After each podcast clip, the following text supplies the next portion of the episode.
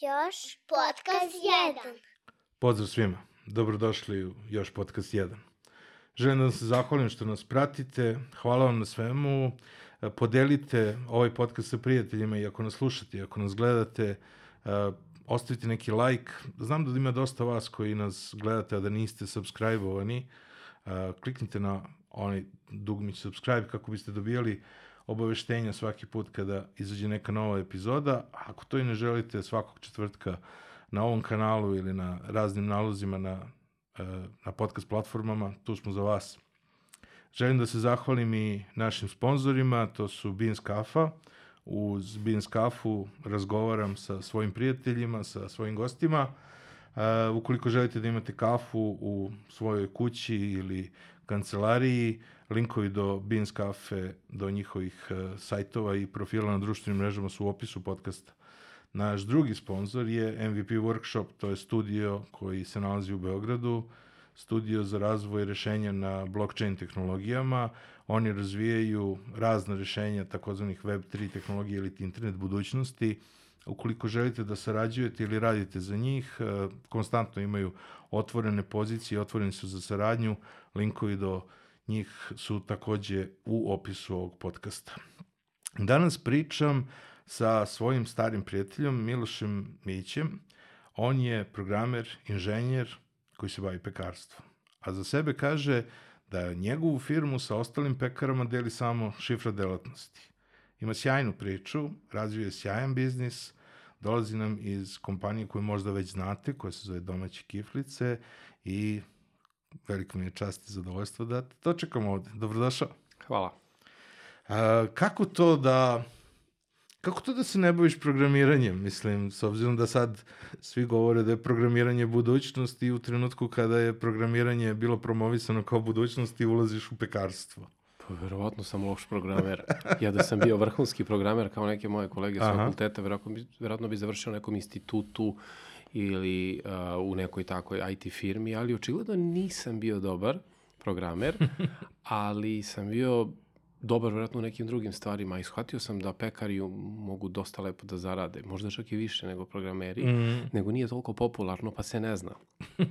A onda sam ja, pošto znam jedno, znam drugo nešto, onda sam pokušao malo da to izmiksujem i napravio, napravio tako neki miks, jer ako si uh, klasičan pekar, onda moraš mnogo da se trudiš da bi bio najbolji, a ako si malo uvrnut pekar kao ja, znači sa ovim nekim programerskim delom u mozgu, onda si već sam po sebi, sam po sebi se već nekako izdvojio. Isto važi ako si programer, mm -hmm. a imaš taj neki uh, način razmišljanja kao što rade, na primer, pekari, uh, opet si čudak malo i uh, vidiš neke druge stvari koje obično klasični programeri ne vide. Pa kad se sve to izmiksuje...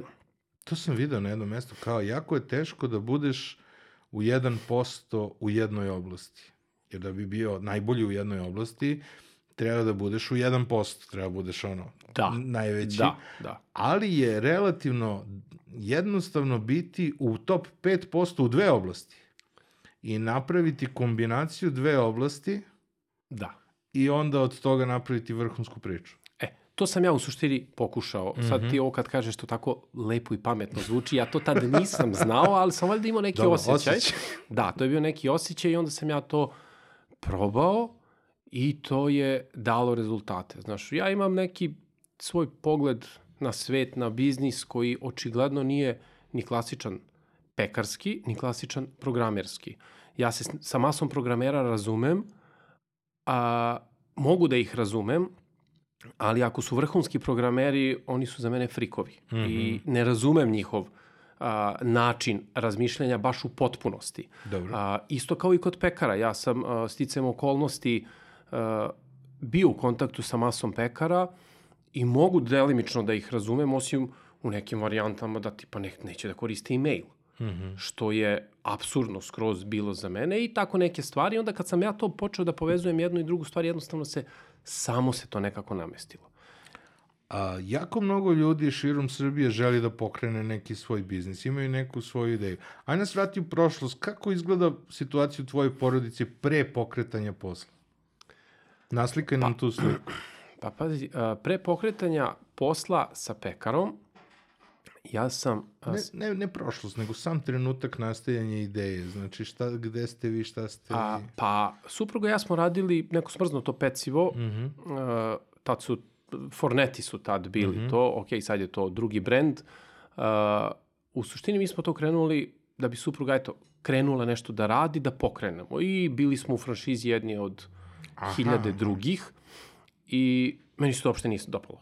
Znaš, radiš ono što radi hiljade drugih, radiš na potpuno identičan način i to je super jer te ne opterećuje. Sve je ustaljeno, sve je jednostavno, sve je već neko predvideo, zamislio i nemaš neku, nemaš neku posebnu mogućnost da nešto iskočiš van te priče, iako ti se čini da bi nešto moglo da bude bolje. Mm, pa dobro, franšize su generalno takve. Jesu. Da, ja sam od toga krenuo što se tiče ovoga, znači to je bila neka preteča pekare. Mm -hmm. Ja sam došao na ideju kako bi to moglo da bude nešto bolje, nešto brže, nešto ukusnije, nešto drugačije, ali to ne možeš da uradiš. I onda smo mi, e, da bismo privukli mušterije, u stvari domaće kiflice su nastale kao marketiški trik da privučemo mušterije, mm -hmm. da bi kupovale uh, fornete. kupovali fornete. Da, da. A, to je bila mala pekarica, 25-30 kvadrata, a, gde smo mi radili. Supruga je prvenstveno radila, još dve zaposlene i ja sam tu utrčavao da pomognem. Mm -hmm. I ja dam njoj neku ideju, ajde da probamo da pravimo nešto, da privučemo ljude da bi nam kupili fornete. Wow. I krenemo da mesimo te kiflice po taštinom receptu, pošto sam ja primetio tašta gde god ide na slavu na rođendan, kao Top. šta deci, da donesem, šta da, kao donesete nam one vaše kao kiflice. I meni se dopadne ta priča mm. i ja vidim da to ima neki potencijal, da se ljudima to sviđa. I krenemo mi da pravimo kiflice i da ih delimo gratis, da bi ljudi došli kod nas zbog gratis kiflica, pa da im ujedno prodamo drugi artikal. I dođu ljudi jedan dan, drugi dan, peti dan, već ih postalo sramota, kaže, mi bi da kupimo, nećemo besplatno. I ja ukapiram da se to ljudima dopada. I Mhm. onda krenemo mi uporedo jedno i drugo, već posle mesec dana ljudi jednostavno prestanu da kupuju Fornete. o forneti pecivo, jer je to klasično lisnato pecivo. Da, Nije da, loše imaš na- pecivo, imaš dobro na, je Imaš pecivo. na još 20 mesta. Da, ali ga imaš svud. Mm. A ovo nemaš. I to tako krene od te jedne male pekarice u Pančevu, malo po malo i mi na kraju pređemo skroz na tu priču. U početku je to tipa bilo dva ili tri ukusa, ono, ajde naš neki džem, valjda od kajsije i ne, malo sira ili ne znam šta je već bilo. Mm. I krenemo mi to malo po malo i to je tako počelo da privlači ljude. Onda se to u Pančevu pročulo, pa je ovaj čuo jedan, drugi, treći, malo po malo otvorimo još jednu pekaru u Pančevu. I ja sam mislio, to je fantastično, to ide super, to ne treba ništa dirati, to je... A, ima tu nekih zanimljivih stvari, šta smo mi radili? Nis, a, ti kad uđeš u bilo koju pekaru, ti vidiš prodavačicu, vidiš vitrinu i to je to. Mi nismo imali prostor nikakav drugi za pravljanje kiflica. Kod nas je bila vitrina i iza mm -hmm. vitrine sto na kojoj devojka mesi sve vreme.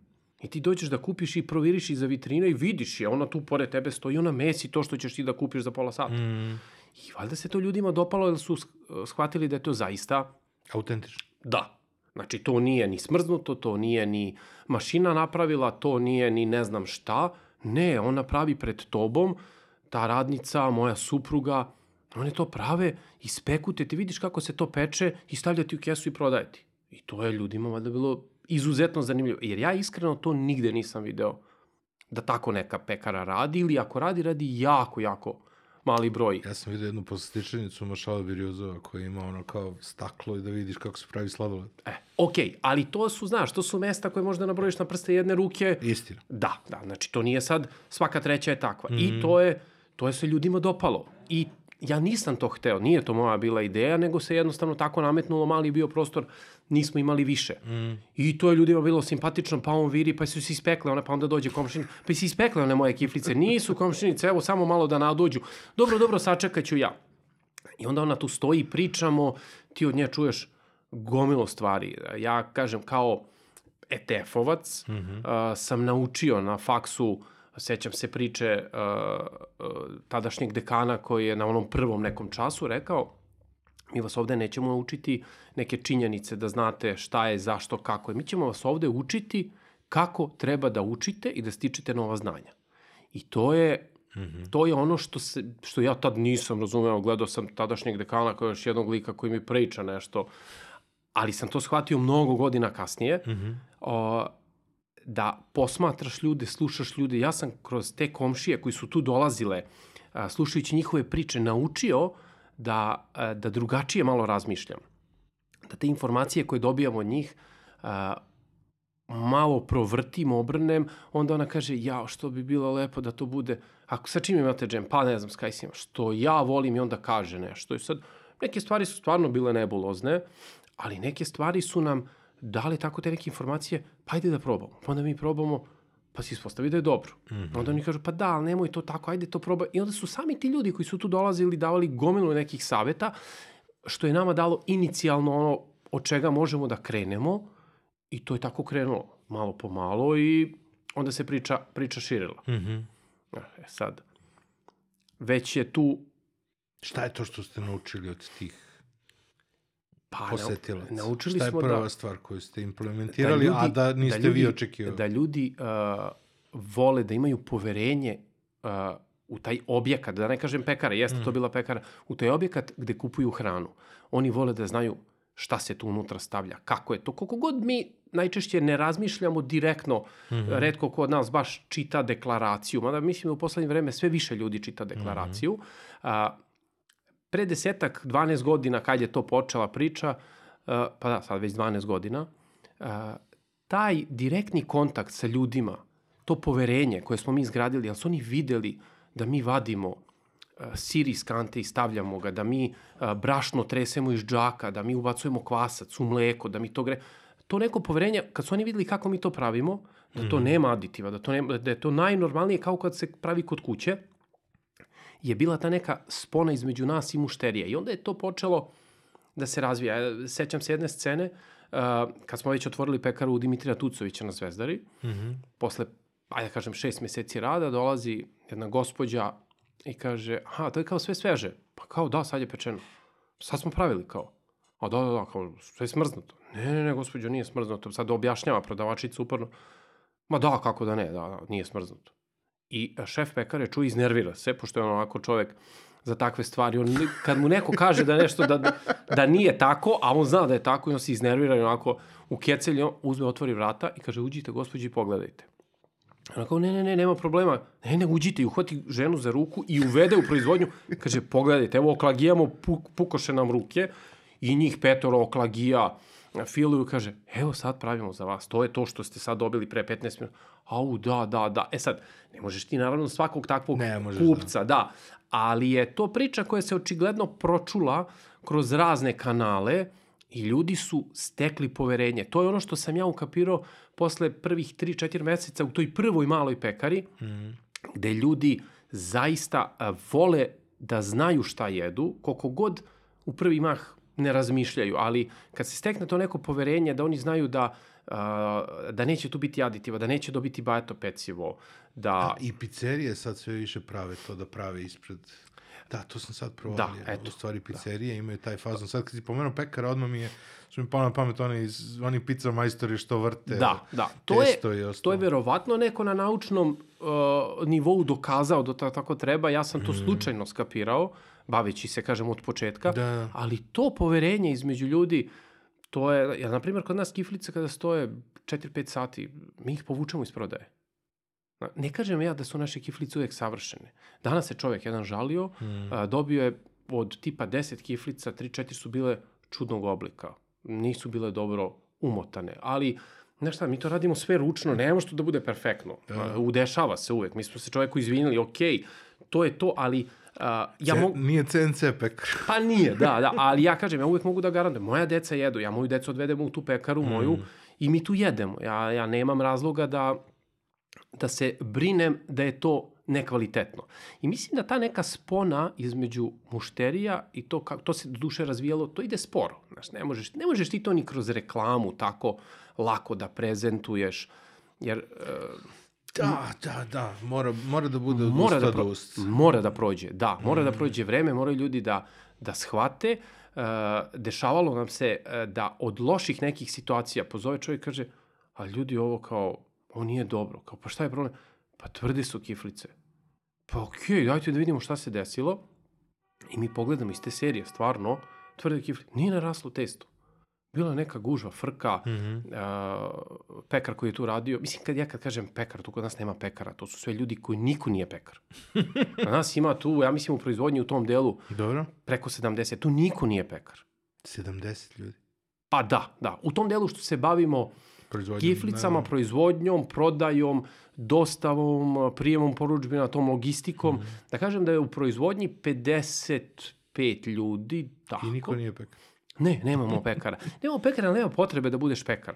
Znači, možeš da naučiš da praviš kiflicu, ti možeš da naučiš, ja sam je naučio. Mm. Znači, ja sam naučio. I, I svako može da nauči. Znači, nije to nikakva, nikakva mudrost. Uvijek ja volim da pravi kiflice, pa se ja ne mešam, ali... Pa pazi, ja sam prvi pravio kiflice te 2010. nisam imao klagije. Uz, uzeli smo supruga i ja recept od tašte mm -hmm. i kao ajde da pravimo i ja nemam klagiju u kući. I ja uzmem onu jednu rakijsku flašu, ravne, one stare da, flaše, da. znaš kakve su bile, ove lozovače, Loz. da ne reklamiramo brend jedan. Već. Ali, Loz. da, da. O, ja sam tu oprao rakijsku flašu, ja sam oklagio sa tom mm. rakijskom flašom, jer sam to imao. Ja sam naučio da ih pravim, tako, i to je skroz okej. Okay. Znači, i svako to može, nije to sad neka, nije to sad neka velika... Vi ste jedno vreme imali recept na sajtu? E, bio je, da, međutim, nešto je menja, ne znam da li sad još uvek mm. ima, zato što su ljudi zvali, pa u čemu je tajna? Pa kako vi to pravite? I onda sam se ja na kraju iznervirao, rekao, dajte, daj okačit ćemo. Okačit ćemo recepturu, okačit ćemo kako se pravi. A, ne znam da li sad još uvek stoji, bila je neka revizija sajta, mm. da li to na blogu ostalo ili nije, čak je bio jedan video, jedna TV emisija je bila, pa su to snimali jedno pet mm. minuta kako pravi. Ja sam na kraju stavio recept. Ok, nisam ga ja baš sastavio u gram sve, da ljudi ne pomisle da je zaista bitno u gram, jer mi, mislim, pravimo... Jedan prema ofrlje. Pa, otprilike. Baš tako, jedan prema ofrlje. Jer zavisi, kad ti je velika vrućina u pekari, staviš manje kvasa. Najboljim domaćicama teško može da uzmeš recept zato što ona stavlja po osjećaju. I taj osjećaj je da. ono... ja sam mukio sa taštom imao. Ja kažem, tašto, dajte mi recept. Koliko brašna? Pa znaš, uzmeš ono kesu od kilo, pa ti malo ostane. Pa koliko bre, malo, ja sam čovek, programer, ja sam matematičar, ja sam pet matematika na, na, na faksu studirao, dajte mi na treću decimalu, nemojte to. Koliko je to malo? Onda se ja nju posadim pored, ajte vi pravite, ostane kesa, ostane ja, kesa, ja istresam ja iz kese pa merim, ja da, ono što je ostalo. Ispostavilo se da ne ide kilogram bašna, nego 950. Međutim, sada mi kada pravimo na toj nekoj srazmeri, da li je kilo brašna, da li je 950, da li je 920, sve to hmm. generalno ne, ne utiče toliko, radiš posjećaju. Nekad je brašno ovako, nekad onako i onda to su te neke stvari gde se ne treba možda previše opterećivati znaš, opterećivati, pa da to mora recept, strogo, sve, znaš, nego jednostavno radiš tako. A reci mi, vi ste jako brzo, ono, vi ste odmah, kad je u stvari bio taj transfer između dve pekare u Pančevu i sajta i... Pa, Kako je teko taj rast? Joj, znaš šta, to je bilo, mi smo s dve pekare bili u Pančevu jedno tri godine. Mm -hmm. Tako nešto, da.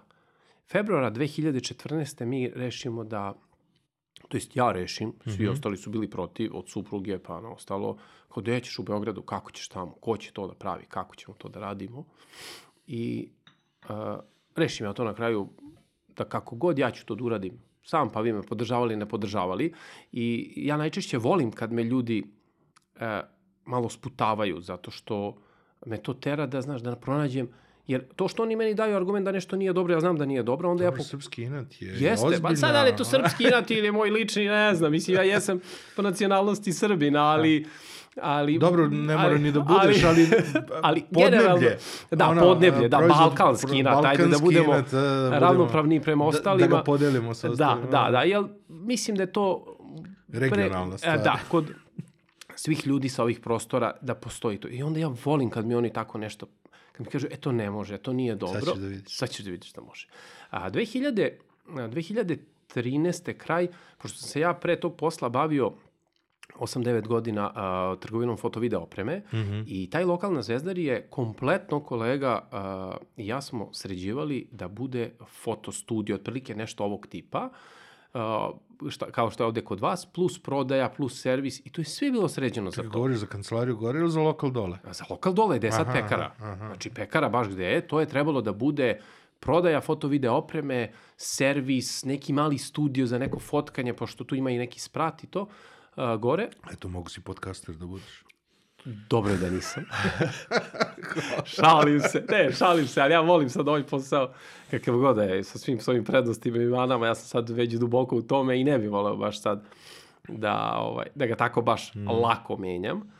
Uh, to je trebalo sve to da bude. I onda sam ja rešio u jednom trenutku da iz Pančeva pređemo za Beograd. Mm -hmm. I pričam ja sa par ljudi, uglavnom je to bilo pa pazi, pa ovo, pa Beograd, pa znaš, to je džungla, pa pa kako pa preko ćeš, puta je pa preko puta je pekara Trpković koja je, ćeš tu? koja je stvarno fantastična. Da, gde ćeš nogu I onda ja čujem, čujem ovaj, ja mislim da li neki film, se, ne znam šta je, nešto sam gledao na TV-u, uh, kaže, gde Jevraj otvara uh, Zlataru?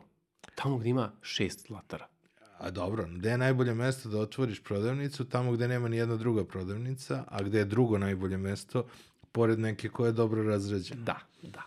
I ja rešim, rekom, ok, šta, Pekara Trpković, mislim, stvarno su vrhunski mm. i po meni su oni među, ajde da kažem, top 3 u Beogradu. Pa nema da pitaš bilo koga za bilo da. koju pekaru, nema šanse da, da mu ne padne da. Trpković. Može ne. da voli neku drugu, onako... Da, ali generalno su stvarno ljudi su ono, da, da kažem, postavili su, su da. jeste, postavili su te neke standarde. Međutim, ja ukapiram, ono što ja pravim, to je te kiflice, on čovjek to ne pravi. Nema razloga da budemo jednom drugom konkurencija.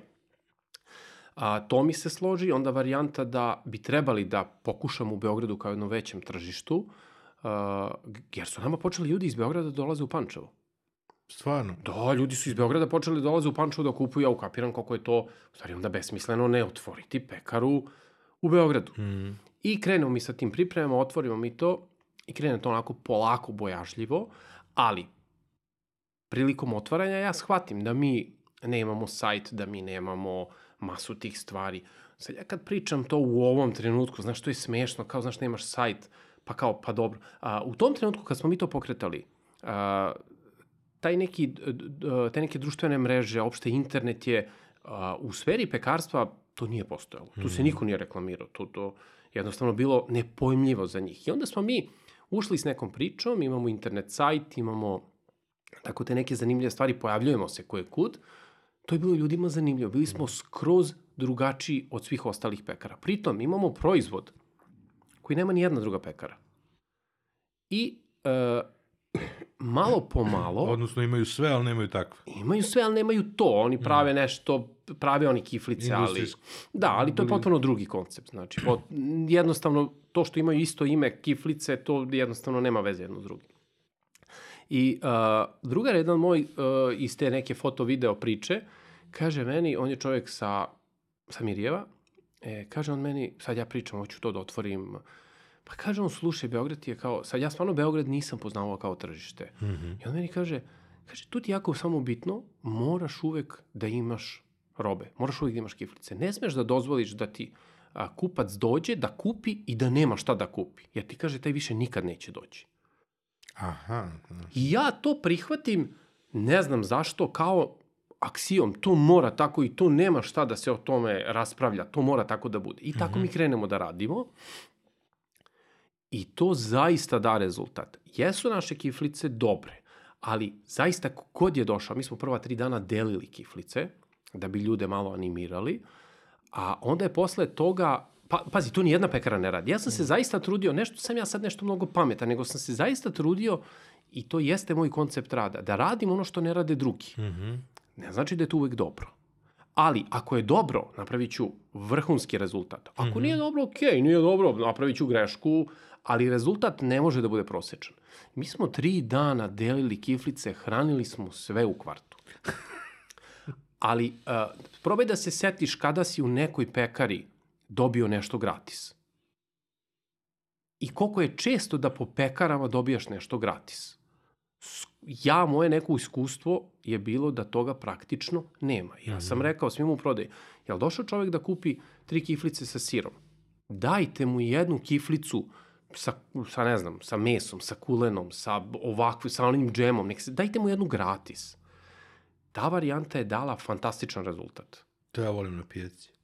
Da, to ti je ta pijaca gde se ti zbližiš sa tim nekim tvojim prodavcem, gde on tebe svaki put... Spakuj ti pola kila i dodaješ Da. još jednu. Da, i ti si srećan ko kuće što si dobio jednu jabuku koja realno vredi 20 dinara ili 10 dinara ili nebitno, Da, nije ali ti je puno srce.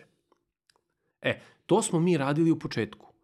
Davali gratis, eh, pokušavali da te ljude animiramo i držali se toga. Kogod je došao, nije mogao da ode, a da nešto ne kupi. Mm. Radimo do 9 uveče. Ja sam rekao, do pola 9 pečete kiflice. 90% pekara u 6 uveče, koje rade do 9, u 6 uveče prestaju da peku, prestaju da rade bilo šta, čak neki mnogo pre, i prodaju to što imaju i rasprodaju i to je to. I ti odeš u pekaru, pa u 90% pekara, odeš u 8 uveče i ti skoro nemaš ništa da Mm. kupiš i uglavnom je sve bajato. Kod nas je bilo pravilo, u pola 9 se peku poslednje i popunjavamo. Mhm. I ti si kod nas došao u 15 do 9 i ti si dobio vruć proizvod. Tu mušteriju koju smo tada uhvatili, taj više nikad nije išao kod nekog drugog. Taj večito dolazio kod nas. Jer je znao, kad nigde u kraju nema ništa, kod nas ima i to ima vruće. Ima Mhm. sveže. I to je bila varijanta da pekara Trpković je radila do 6 sati, Mhm. Kada obično pekare posle 6 sve zamru, Mhm. nama krene posao puta dva. Jer pekara Trpković ne radi, Da, da, Ljudi, uh, ljudi su, do, da sad on je došao, nije došao u 6, uh, došao je tipa u 6 i 15. Prošao je, ovi rade, ajde idem kod njih. Došao je jednom, došao je drugi put, došao je u 7, došao je u 8, došao je u 15 do 9 i to je to. Mhm. I to su stvari koje su malo po malo širile te krug ljudi, tih zadovoljnih mušterija koji, koji su uvek vraćali. I to kad jednom kupiš takvu mušteriju, to on će ti uvek doći, uvek će te preporučiti. Kapiram. A, ovo za, za ostajanje hrane, hoćemo to na kraju ili hoćemo odmah da pričamo o, o temeljnom problemu u državi? Jako mnogo firmi i prodavnice i ostalo žele da svoje leftovere i ostalo, znači svoje viškove daju kao hranu za beskućnike, kao Jeste. pomoć i ostalo. Jako veliki problem papirološki da se, Jeste. da se taj... ho- Hoćeš sad pričamo o tome? Pa možemo da se dotaknemo pošto usputno. sad baš je da, ovako možemo da se dotaknemo usputno. kontekstualno, a, ovaj, šta je nama? Vi to povlačite, to si rekao. Šta Jeste. radite sa tim? Kako to, kako to... Pa deo ide u otpis, Mhm. znači malo se hrane, neke mace, neke kuce, moji kučići jedu, samo Mhm. pršti, mislim jeste to tužno. A, sad smo našli, e, našli smo jedan to način, bi bilo sjajno da postoji neka regulativa za to da... da... pa bilo bi, ali tu ima jako mnogo problema.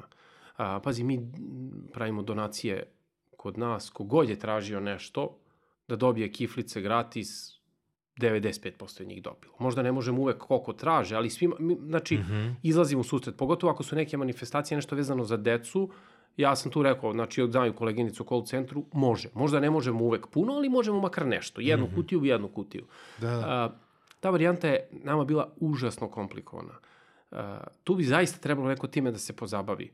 A, kako to papirološki da se reši, ko to da preuzme, jer ne možemo, a, ja ne mogu da očekujem od mojih zaposlenih da u 9 uveče kad zatvore, sednu u auto i to voze na neki drugi kraj grada, da razvoze, to, to je sve toliko veliki trošak i toliko velika logistika, Mhm. da je to jednostavno besmisleno.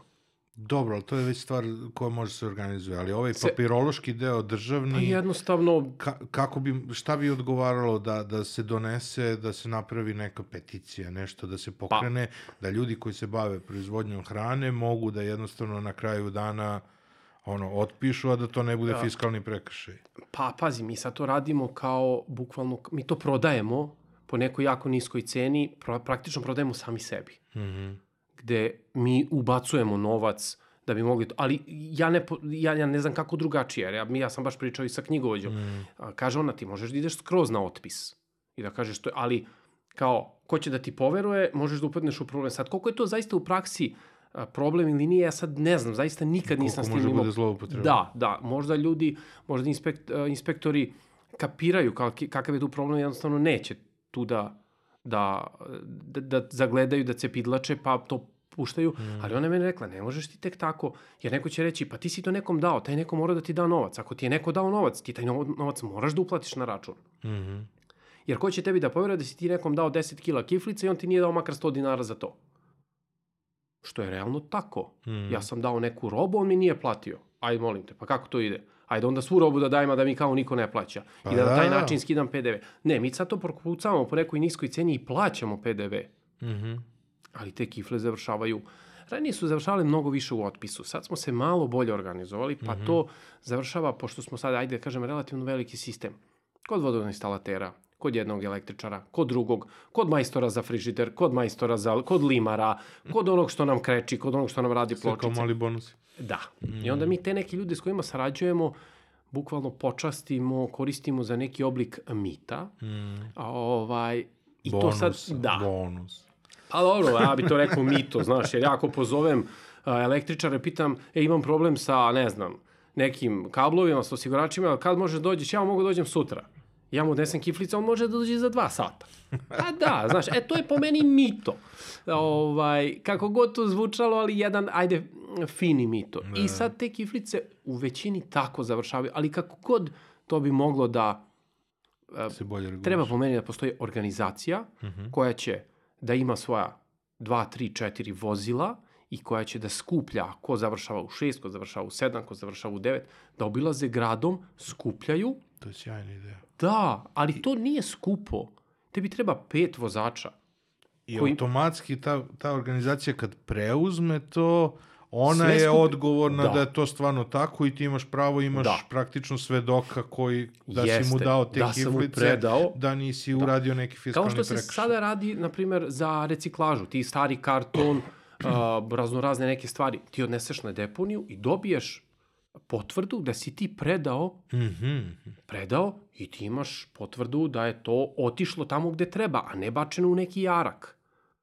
Ili bačeno u neku šumu ili Da. zapaljeno ko zna gde. E, to bi po meni trebalo, ali to mora da neko napravi neku organizaciju. Pazi, možda u cijeloj priči može neko da napravi i profit od te priče, mada mislim da ta priča ne treba da bude profitabilna, već treba da... Ali Da, opet, treba bude humanitarno. Treba da bude humanitarna, ali znaš šta, a, može da se napravi da se te firme koje to doniraju, da se u neku vrstu, na neki način reklamiraju kroz tu organizaciju i da to bude taj neki profit koji tu može da se pronađe, da bi to opet koliko toliko funkcionisalo. Koliko ja znam, čak tim većini firmi koje žele da doniraju, samo ih nervira knjigovodstveni problem, U suštini, a da, da. ne treba Ali- im ništa, samo im treba da, da im neko reši Da, ali- problem, oni bi dali sve što im ostane. Da, da, slažem se, ali uvek postoje ljudi koji jednostavno gledaju čisto ekonomski deo i možda treba izaći, ali slažem se. Kako god to Kako može god da se organizuje, ali U slučaju da bude, aha, da, Pazi, to je pet super. vozača koji obilaze od 6 do 9, pa mogu da skupe, Mogu mogu da skupe sa 100 lokacija, sa, sa 150 lokacija mogu to da je skupe. to na hranu. Da, Minimum. da, da, da. I to odvezu i e, razvezu kome treba ili u centralni magazin, pa se to sutradan razvozi ili kako god to može da... I to je relativno malo košta. To je besplatan doručak za, za sve koji, Da, za da, sve koji da. su slabo Jeste. Slavo, slavo promašeno. Dobro, da se vratimo na, na kiflice i na, na tvoj primarni biznis. A, šta je dalje bilo u Beogradu? Pa pazi, u Beogradu je išlo jedno po jedno. Mhm. Uh, svaki dan nešto otkriješ novo. Uh, ta I opet interakcija... Onaj, opet onaj fazon iz Pančeva s početka. Da, da, Učenje. da. Svaki dan učiš nešto. Uh, krenemo mi da radimo dostave i aj sad neke kutije, trebaš da imaš neke kutije i sa šta ću, tek smo počeli, kakve kutije. Mhm. Ma daj najjeftiniji mi odem kupim pizza kutije. I sad pizza kutija četvrtasta, znaš kako je tamo visina 4 cm, naše kiflice su 3,5 do 4 cm visine, u sve savršeno se uklapa, složim ja, ovaj, krenemo mi tako da prodajemo. I to je išlo jedno, pa 15-20 dana. I sve okej. I izađem ja uh, ispred pekare i krenem nizbrdo niz Dmitrija Tucovića i vidim jednog čoveka, nosi, nosi pizza kutiju onu sa kiflicama, u, rekao, super, naša mušterija kupio je. Dolazi čovjek na autobusku stanicu, čeka, uh, čeka prevoz. Dolazi trola, 28 i 40 mislim, ne znam da li sad jedna ukinuta ili da li do Nije važno, tad su prolazile Trole, obe. znaš kakve su trole sa vratima uh, užasno uske. U, u, vrata nisu kao na autobusu. Trole imaju baš uska. A ne, on samo vrata. prednje, prednje je obično zakučeno, ona polovina vozača. Pa možda i to, ali znam da, je, da su nekako uska vrata, bar Mhm. se sećam dok sam studirao, da li su... Kod vozača, onaj da ne možeš da prođeš kod vozaču, taj E. deo je zakočen, taj deo se Jeste, ne otvara jeste. i onda se otvara samo jedna Samo polovina. jedno krilo. I ulazi čovek, to jest naša ta mušterija, pokušava da uđe i ovako kreće i ne može. I samo uradi ovo, op, i uđe. Na kant. Da. I ja pomislim, ja, vruće kifle, sve se sabilo, ja, pa rekao, to sad ne liči ni na šta. Ja se smorim skroz. Rekao, mora nešto da se promeni. I krenem ja odmah da moskam. Znaš, ajde, traži kutiju, optimalnu kutiju. Mm -hmm. Ja sam narednih mesec dana kao ludak nosio metar mm -hmm. i po, ki, po pekar išao i merio prosečnu dužinu, širinu i visinu kiflice.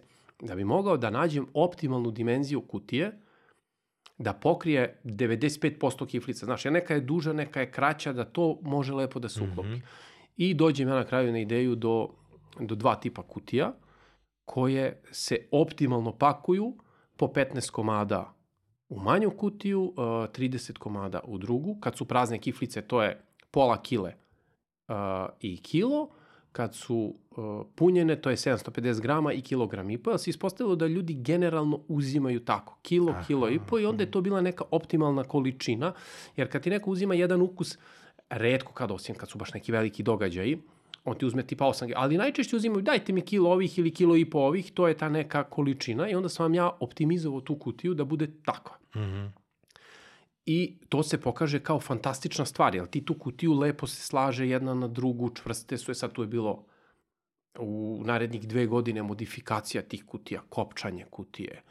Pa ja idem po, po kući, skupljam ženine kutije od cipela pa da naš nađem kopčanje, jer različita kopčanja kutija... Da, kutije ti... cipala su dobra inspiracija. Da, to je tako i krenulo. Mm -hmm. Manja kutija je bila uh, kutija od neke enciklopedije, a uh, veća ta kutija je kutija od cipela. Mm -hmm. Ali veća kutija, uh, naše kutije su te veće, visoke, desetak santimetara, ima unutra, ubaci se jedan umetak, pa kao red. Kiflica na sprat. Na sprat. Tako da ti uh, u toj kutiji imaš na sprat, ali ne gnječe se. Jer ja sam se uvek užasavao, odem kupim u nekoj pekari one mini pice, uzmem kilogram za neku proslavu i oni mi spakuju kilo mini pica, mi zguraju kesu, ja dok dođem kuću mogu samo da bacim. Mm. Zato što je sve jedno na drugo. Ko Big Mac.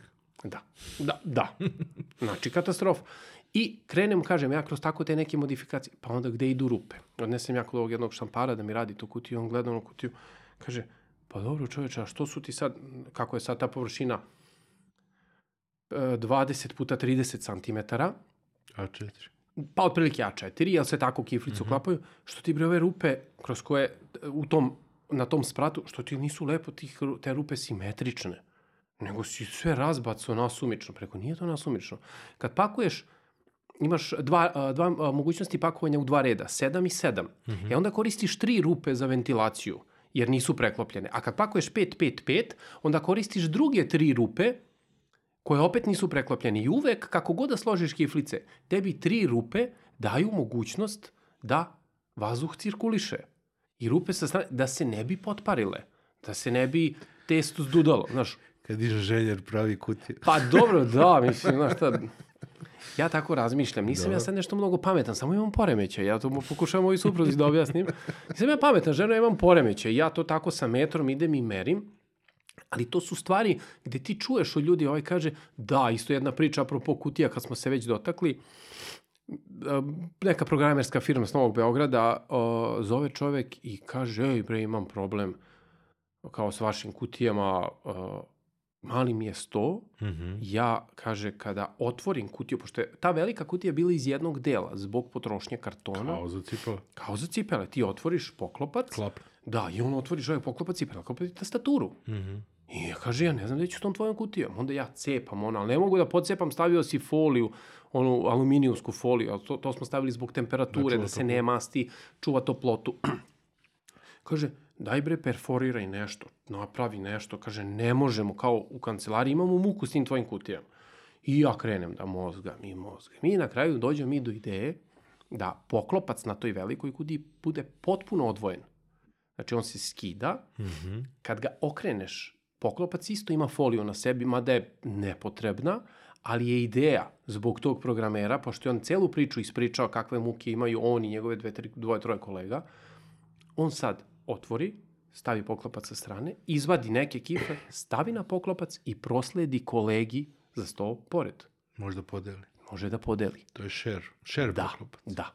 I to se ispostavi kao fantastična stvar. Krene priča od tog programera, mm -hmm. gde se na kraju ispostavilo za igraonice gde ti tu kutiju na sprat podigneš poklopac, tih 15 gornjih e, kiflica staviš u poklopac, izvadiš onu unutrašnju pregradu, baciš, a ostalih 15 ostane dole. I tebi ne trebaju tacne. Mislim, a, nije to sad a, dizajnerski wow, da su, ali funkcionalno je. Mm -hmm. Na nekom banketu gde ti nije bitno, gde poslužuješ neke ljude, to radi posao. Da, da. Ne treba ti tacne, to je najjeftiniji način, a funkcionalno je skroz. I to je tako počelo i onda su mi, vidim, masa pekara koje nas kopira, sad vratno nisu baš pratili sve neke moje priče i to, a, kopiraju nas skroz i onda su iskopirali kompletnu kutiju. Jedino im nije bilo jasno zašto kod nas na kutiji internet adresa, kada je sklopljena kutija, stoji naopako. Znači, okrenuto je naopako, vidim da oni svi pišu tako kako treba ispravno, ali poenta je da taj poklopac je tacna, da kad skineš i stoji, onda čitaš lepo internet adresu. Da, da. Verovatno nisu slušali šta sam ja pričao, pa su Jer je najlogičnije da kad vidiš kutiju da internet adresa piše normalno. To si vidio sa hitne pomoći, garant. Pa moguće da je negde, da vidi, u podsvesti kad jeste. Gledaš u retrovizor da, da ti piše da. normalno. E, I to je, uh, to je, na primjer, neka stvar koja, ajde, kažem, ništa nešto posebno bitna, ali tom programeru olakšala život i ne samo njemu, svi ljudi u firmama gde rade relativno mali stolovi, vrlo je praktično da to bude baš tako, mm. da, mu neće da, da mu neće zauzimati veliki prostor. I masa takvih stvari je nama davala nove ideje, kutice, onda smo uveli kuticu za sedam komada. Kako smo otvorili pekaru na Belvilu, počeli su dajte mi 5-6 ovih, 5-6 ovih, 5-6 ovih, 5-6 ovih. Mika jede ovo, Žika jede ovo, Pera jede ono. Brate, mili mi spakujemo onu kutiju, oni ne mogu da raz, razvrstaju ko je čije. Jao, pa zovu, pa koje ste spakovali. Mi se na kraju kapiramo. A to je opet, osluškuješ mušterije. Mm. Poruči ti jedna osoba, jedan njih deset Svako hoće svoje. Ako mu spakuješ u kesicu, to će da se nagnječi nas, naš vozač dok odveze, kako će to sve da, da stigne. I mi napravimo malu kuticu za 7 komada. Mm -hmm. I sad, to je nekih 350 do 400 grama tu stane. Realno, dovoljno za obrok. Pa sad, ako je za Miku, dobio je 3 slatke i 5 slanih. I to je njegova kutica.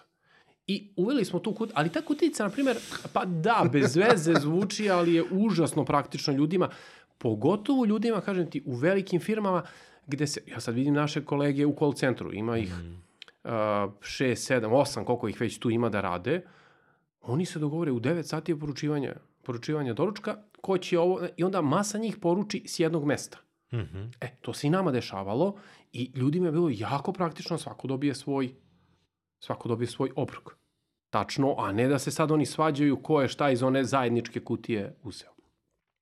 I to je ta neka modifikacija, promena, stalno adaptiranje kroz, kroz tu neku uh, priču sa, sa ljudima. Mm -hmm. Ranije je to bilo mnogo više, uh, jer je uh, verovatno i bilo i manji broj mušterija, pa si mogao svakog da saslušaš ili bar veliku većinu. Sad je to malo teže, ali i dalje se mi trudimo da da saslušamo koliko god možemo ljudi. Ali vi ste uvek imali, to sećam i za ono, za, za, baš je bila ta taj neki vaš fokus da izađete u susret, uvijek je moglo da se upiše na napomenu. To su posle i ovi delivery, Jeste. ostale, ove, ostale isporuke su isto uveli to da možeš da navedeš neke napomene, ono, zvoni, ne zvoni, da. zovi pre nego što To je bilo dođeš, par situacija. Kuće ujeda i ostalo.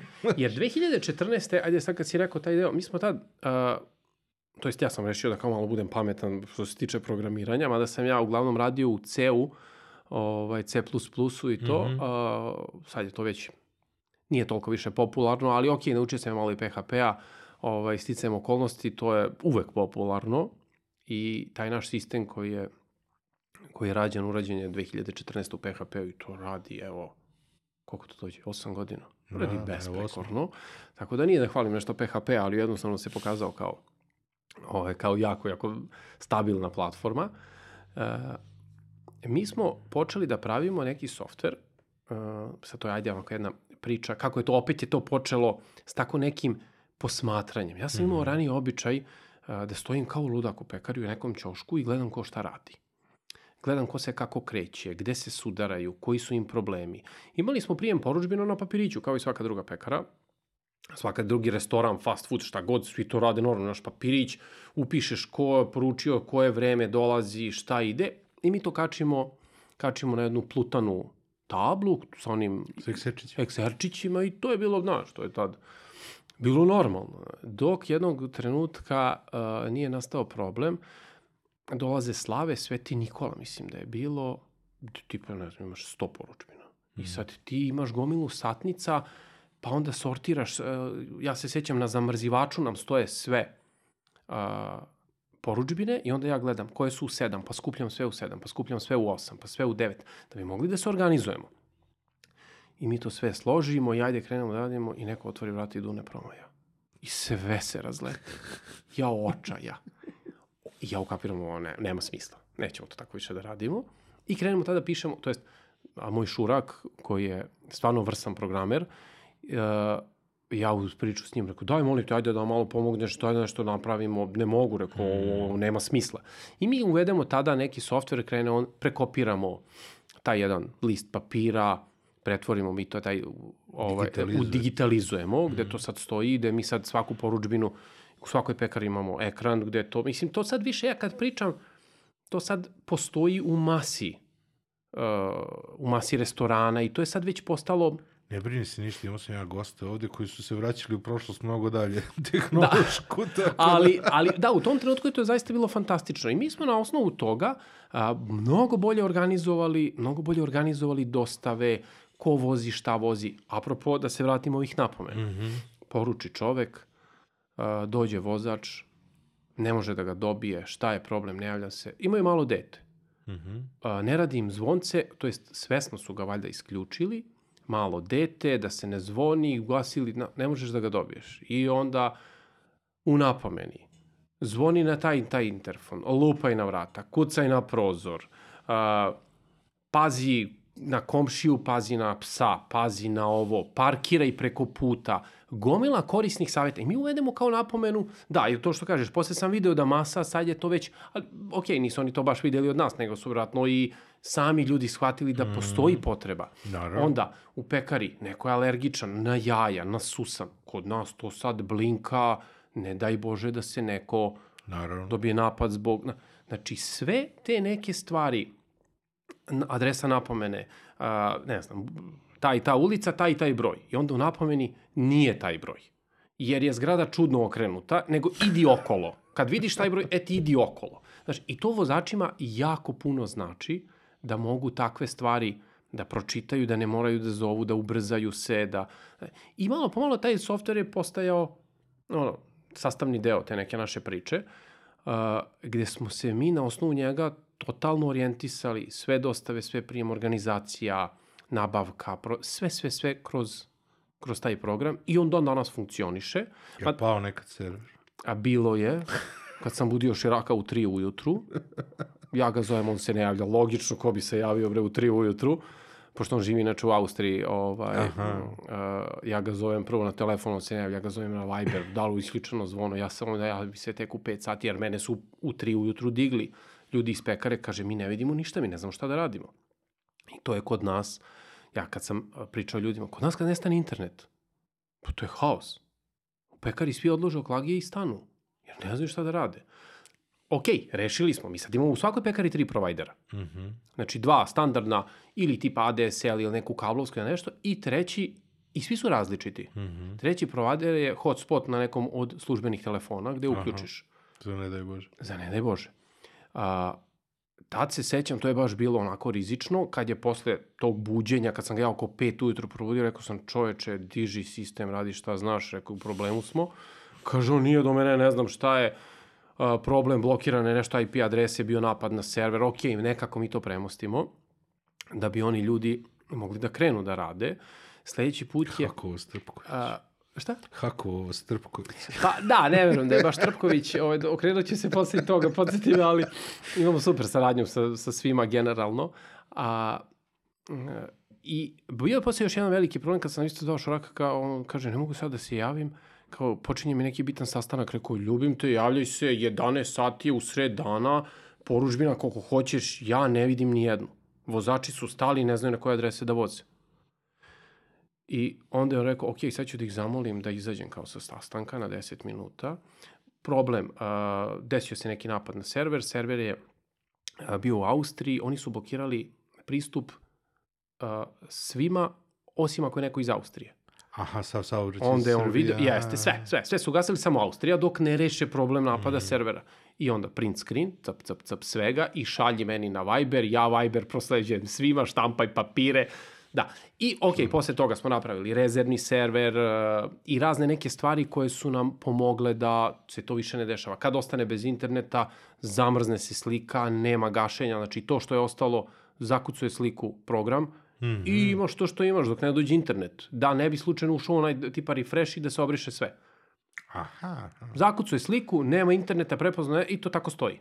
Aha. I to je super, jer ti možeš narednih pola sata, koliko toliko, nema, nemaš prijem novih poružbina, ali makar možeš da završiš Stare. to što si... Aha. Jeste. Možete krenuo već. To što si počeo. I tako te neke stvari su nas, ti problemi, te neke muke su nas naterale da usavršavamo, znaš, usavršavamo taj, taj ovaj, naš softver, ajde tako mm -hmm. da ga mhm. nazovemo, da je to dosta primitivno, jedno vizuelno primitivno rešenje, ali a, 2014. internet je bio prilično skup za mobilni telefon.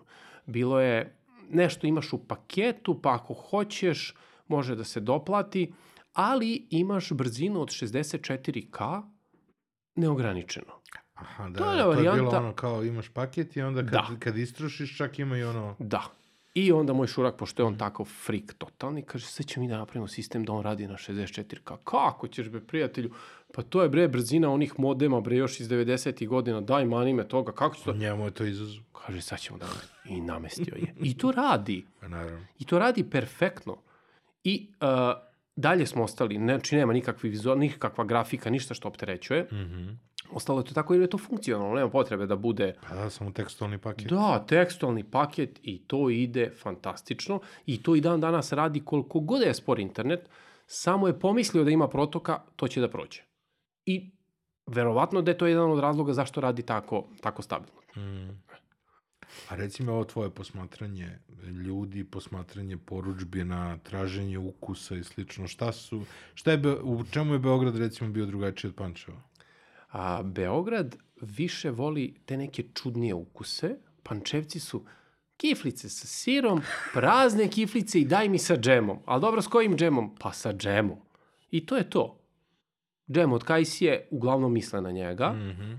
ali e, Pančevci su, to je Vojvodina, to je Banat, to je, to su ljudi koji, uh, on poruči i kaže, pa doći ću ja u 11, ali imamo besplatnu dostavu. Ne, kad doći ću ja u 11. Gde mi dan danas mnogo više imamo ljudi koji dolaze kod nas u pekaru nego što, Aha. što dostavljamo.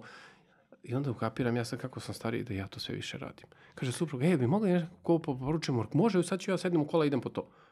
Dobro, poručit ćemo kao, pa neka, šta je malo se provozam, to mi je tu, pa pet minuta, a Pančevo je... Da imaš obavezu neko. Da, valjda, to, i onda ukapiram da sam ja u stvari takav sad, da zbog te cele sredine. Mm -hmm. a, tako da su Pančevci dosta onako skromni po pitanju nekih ukusa, ta neka klasika, dok ljudi u Beogradu što bi rekli ovaj, u Banatu babama, špecije. Dajte nam neki špec, nego nešto što je čudno, što je neki ukus. Da, da. I onda smo mi to krenuli zbog njih da uvodimo razne stvari. Uh, krenuli smo s tako, ajde da kažemo, onim standardnim ukusima kao i sve, ali onda je bilo kao, hoće nešto mesnato. Pa šta, šta sad meso? Pa ajmo kao juneće meso. Pa uzmemo mi pa meljemo, sameljemo juneći but, čisto, pa se to dinsta u luku, pa jedan začin, drugi začin, pa ne znam, origano, pa biber, pa uh, šta je tu sad, ja sad i ne znam više na pamet, pa jedno mm -hmm. pet začina je tu bilo, pa da li senfa, da li, uh, pa oni to je, u, pa ovo je sad super, pa ovo sad nije dovoljno slano, pa je ono presla, pa ovde nema belog luka, pa meni daj belog luka, pa ajde onda pravi nešto što, ko, ko voli beli luk. Mm -hmm. I onda, onda kreneš da ih osluškuješ, onda oni krenu s tom uh, junećim mesom, to je dinstanje robija. Mm -hmm. To je mhm. ubistveno, mi to dinstamo ovaj, u, u velikom jednom sad kazanu. Sad već ranije smo dinstali u šerpicama, pa tu ja sam to prvi put u početku dinstao kod mene u stanu. Pa to je, ne daj Bože, da si iseliš samo posle. Pa to smrdi cela zgrada, ne moj stan. Ovaj, I onda mi to, ajde, pređemo da dinstamo. Ovaj, jer u pekari je, znaš, tesno, guže, onda smo počeli, onda smo na kraju imali poseban prostor gde mi dinstamo to sve. Jo, kapiram da to jako naporno. Ajde malo da im damo nešto drugo. Krenemo mi sa kulenom a u kulen su super prihvatili, ali nisu prestali da jedu meso. Nego je kulen dovukao gomilu drugih. Jer je, jer je meso nagnalo, u stvari, a dajte nam nešto ljuta, što to meso malo ne zaljutite, što malo nije pikan, pikantno. Ja kažem, ja prvi ne volim ljuto, neću da jedem meso da mi je ljuto, hoću da jedem meso koje mi je meso, lepo, i ubacimo kulen. Mm -hmm. Onda ovi što vole ljute, ljuto koji su tražili, svi na kulen. Krenu svi sa kulenom, pa onda je bilo, dajte nam nešto s belim lukom. Se ne možeš u sve da staviš belim, onda uvedemo spanać. Mm -hmm. Pa je kao spanać bio za ljudi koji eto vole malo laganiju hranu. Jer realno, te kiflice sa spanaćem možeš da jedeš kod hoćeš. Ne može da ti, ne padne ti teško na želudac. Ti kad mm -hmm. pojedeš kifli, pet kiflica sa kulenom, tebi već nije dobro. Drugar moj, uh, koji mi je dao onaj savet za Beograđana, tu uvek mora svega da bude. Mm. A kad smo mi počeli da radimo, zove on mene i kao, ej, svratit ću ti to nešto, do... on nam održava fiskalne kase. Rekao, dobro, ja kažem, ovima spakujte mu kiflicu i oni njemu spakuju. Tipa 15 jednih, 15 drugih, pet, šarano, 15 slanih, 15 slatkih i on je krenuo do Mirjeva. Zove on mene posle sat vremena, ej, kao, nešto ti nije u redu s kiflicom. Šta bre, nije u redu? teške su, baš mi, kaže, teško pale na želudac. Pa rekao, koje si jeo? Pa ne, znaš šta, ne znam koje su, nisam ja pojeo, pa koliko si pojeo? Pa nisam pojeo puno, pojeo sam tri ove sa šunkom i tri sa mesom i ove dve sa kulenom, uzeo sam one dve sa čvarcima, uzeo sam one tri sa kajsijom. Rekao, je se ti šališ ili si ozbiljan? Pa ne, čoveče, pojeo si 20 kiflica. To je kilo. Pa vidi u prvu pekaru, kupi četiri bureka sa mesom, pojedi četiri bureka sa mesom. A u, kaže, ja nisam primetio. A on je stavio na suvo začevo sedište i kao, u, da probam ovaj... Gritsko, ko da. čips. Da. Ovaj, I uh, to su, znaš, onda vidiš da ljudi imaju potrebe za tako ti nekim ukusima od skoro, mislim od skoro, pre godinu dana imamo tunjevinu, tražili su nešto posno, Aha. sve više je posno. Sad, ja sam dugo bežao od tih varijanti, ali mi smo firma iz Banata, ja sam to pokušavao, nema kod nas hrono, nema kod nas light, mi jedemo bogato. Organic. Kad je, da, kad jedemo da se najedemo. Mani me toga. Mislim, to je bila i neka moja, neka moja logika, međutim, ima potrebe. Jednostavno ima ljudi, mi nemamo te hrono kiflice, jer to što oni zovu hrono, to nema veze. To je uglavnom 90% je to neka fake varijanta, malo zafarbano, malo ubačeno ovog mm. onog. To uglavnom nije baš tako kako se deklariše. Ja sam rekao, mi to nećemo da radimo. Vi ste domaći. Da. Pa kao, znate, vaše integralne kiflice, pa nisu baš nešto vazdušne. Pa kako da budu? Ima raž, ima ovas, ima helja. Pa probajte kući da napravite da to liči na nešto. Pa ne može. Ta kiflica jednostavno ima semenka jedna druga. Ona ne može nikada, kad, kad vidite u prodavnici da je nešto integralno, a da na oko izgleda vazdušasto naraslo, znajte da vas foliraju. Jer to je jednostavno takav tip brašna da ne može da bude vazuštasto i možda može sa nekim aditivama, ali ti u kućnim uslovima da napravi... Time se sve više udaljavaš od onog domaća. Jeste. Jeste, baš to. I mi smo odustali od tih varijanti, ne, nećemo to da radimo, ok, uvešćemo neke posne, imamo nekoliko vrsta posnih kiflica zbog ljudi koji poste, ali ja ih apsolutno razumem. Ma to je... I to je jednostavno tako i ok. Ali to neko osluškivanje, znaš, tamo ti daju neku ideju, pa probali smo jedno vreme, kratko je to trajalo, mada mi svi u pekari traže, ja kiflice sa makom. E sad, ok, sad postoji beli mak, ali u tom trenutku ga baš nešto nije bilo.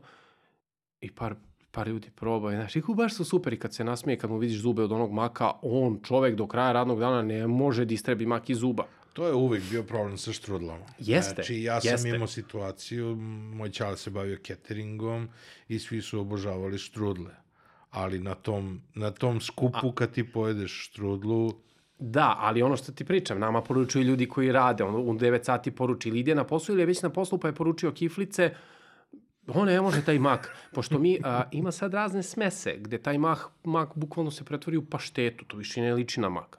Ja sam uzeo... Nije ista tekstura da, i mi smo uzeli isti... mak gde ti osetiš granulat, ti osetiš zrno maka. Mm -hmm. To mora da se zavuče po zubima. I rezanci s makom. Da, To ako si nisi umazao toga naredna 3 sata, nisi jeo štrudlu smak, u ovom slučaju kiflicu. A dobro, što, što je to tebi važno? Šta ti... Pa važno mi je zato što on ode na posao bude frustriran. Zamisli, f, uh, neka... Pa sam, sam je tražio mak, znaš šta pa, nosi dobro, mak sa slažem se, ali ja jednostavno ne, ne želim da mušterija bude frustrirana. Znaš, jednostavno, uh, nekad oni ne razmišljaju da, kako će se to na kraju završiti. Traže nam kiflice sa pečurkama. Mm -hmm. I kao, to bi baš bilo super. Pa da, ljudi, to bi bilo super, ali morate da zamislite, nismo mi više, ja to pričam prvenstveno našim ljudima u, u, u, u proizvodnji, nismo mi više pekara nas troje zaposlenih, pa ja sad svako jutro malo izdinstam pečuraka. Ja znam kako se radi po drugim pekarama. Nažalost, video sam. Ja nikad više ne kupujem proizvode s pečurkama. Osim u baš proverenim pekarama. Mm -hmm. Jer te Zašto? pečurke su izdinstane danas, Dobro. pa da se ne bi mlatio, ej, to sutra. Pa mi to jedemo ceo dan, Fil, pa jedemo mi tu i sutra, Fil. A prek sutra ujutru, pa nećemo da da bacimo. Ma daj, ovo baci tom pomešaj malo i to je okej. Okay. Pečurka je proizvod koji generalno ne trpi da stoji dugo. Dobro. I ako ne vodiš računa, ta pečurka najčešće može da se pokvari. Mm -hmm. Nećeš se ti otrovati, ali ti neće prijati. Ja sam rekao, a, velika smo sada firma, ja ne mogu da garantujem da će zaista taj proizvod biti uvek kvalitetan. Mm -hmm. Ne mogu da garantujem. I onda mi je bolje da nemam, nego da imam neke, neki proizvod gde će ljudi da mi kažu, znaš, pa to ti se malo pokvarilo. Ili ovo, ovo nije bilo dobro. Taj rizik ja ne želim da prihvatim. Koliko god je to poslovno gledano, jako mali rizik naspram profita koji će da ostvari. Mm -hmm. Ja sam se jednog živ pojao jer sam dobio nadev od oraha koji u sebi imao tipa 1% kikirikija. I naša je greška bila jer mi to nismo videli. Alergen. Na dek... Alergen. Nama sada na sajtu stoji za orahe da je alergen. A oni ubacuju tu. Znači oni ubacuju, vjerojatno zbog nekog ukusa, ubacuje se u jako malo.